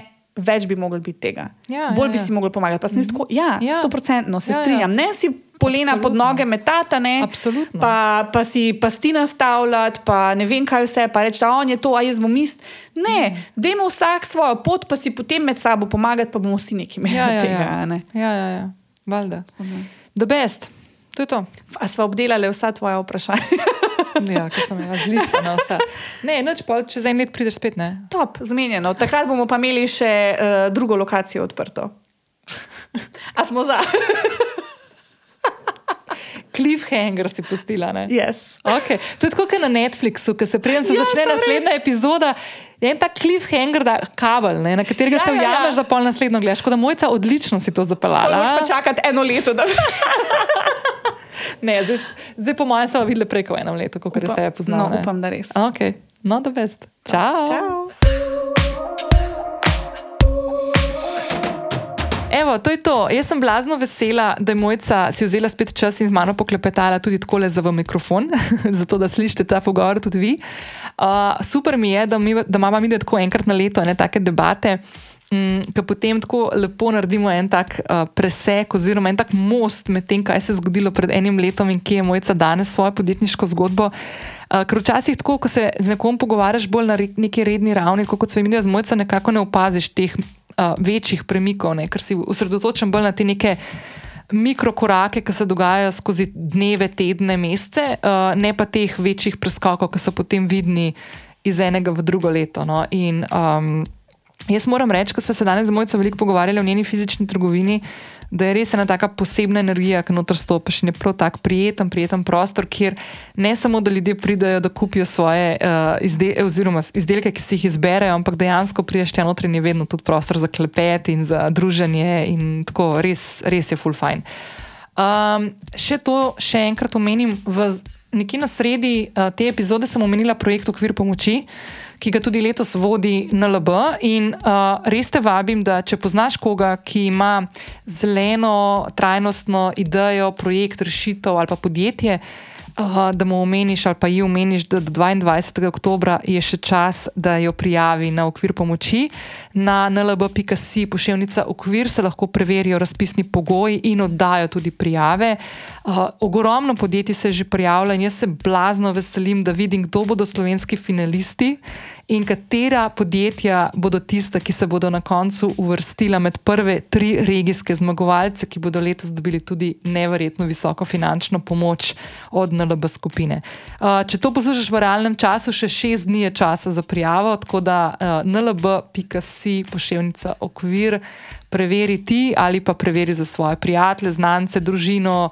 Za nekoga, ki ga ti poznaš, da ima krasno podjetniško zgodbo, mimo grede, jaz sem tudi mojci omenila med pogovorom. Oziroma, potem, ko so posneli pogovor, da bi bilo fajn, da tudi ona preveri, glede na to, da tudi do določene mere, tudi po mojem, je zelo taka zanimiva trajnostna zgodba. To je to, lepo se majte, se slišimo prihodnji teden z novo sogovornico, sogovornikom, novimi vsebinami. En krasen petek in še lepši vikend vam želim. Ciao!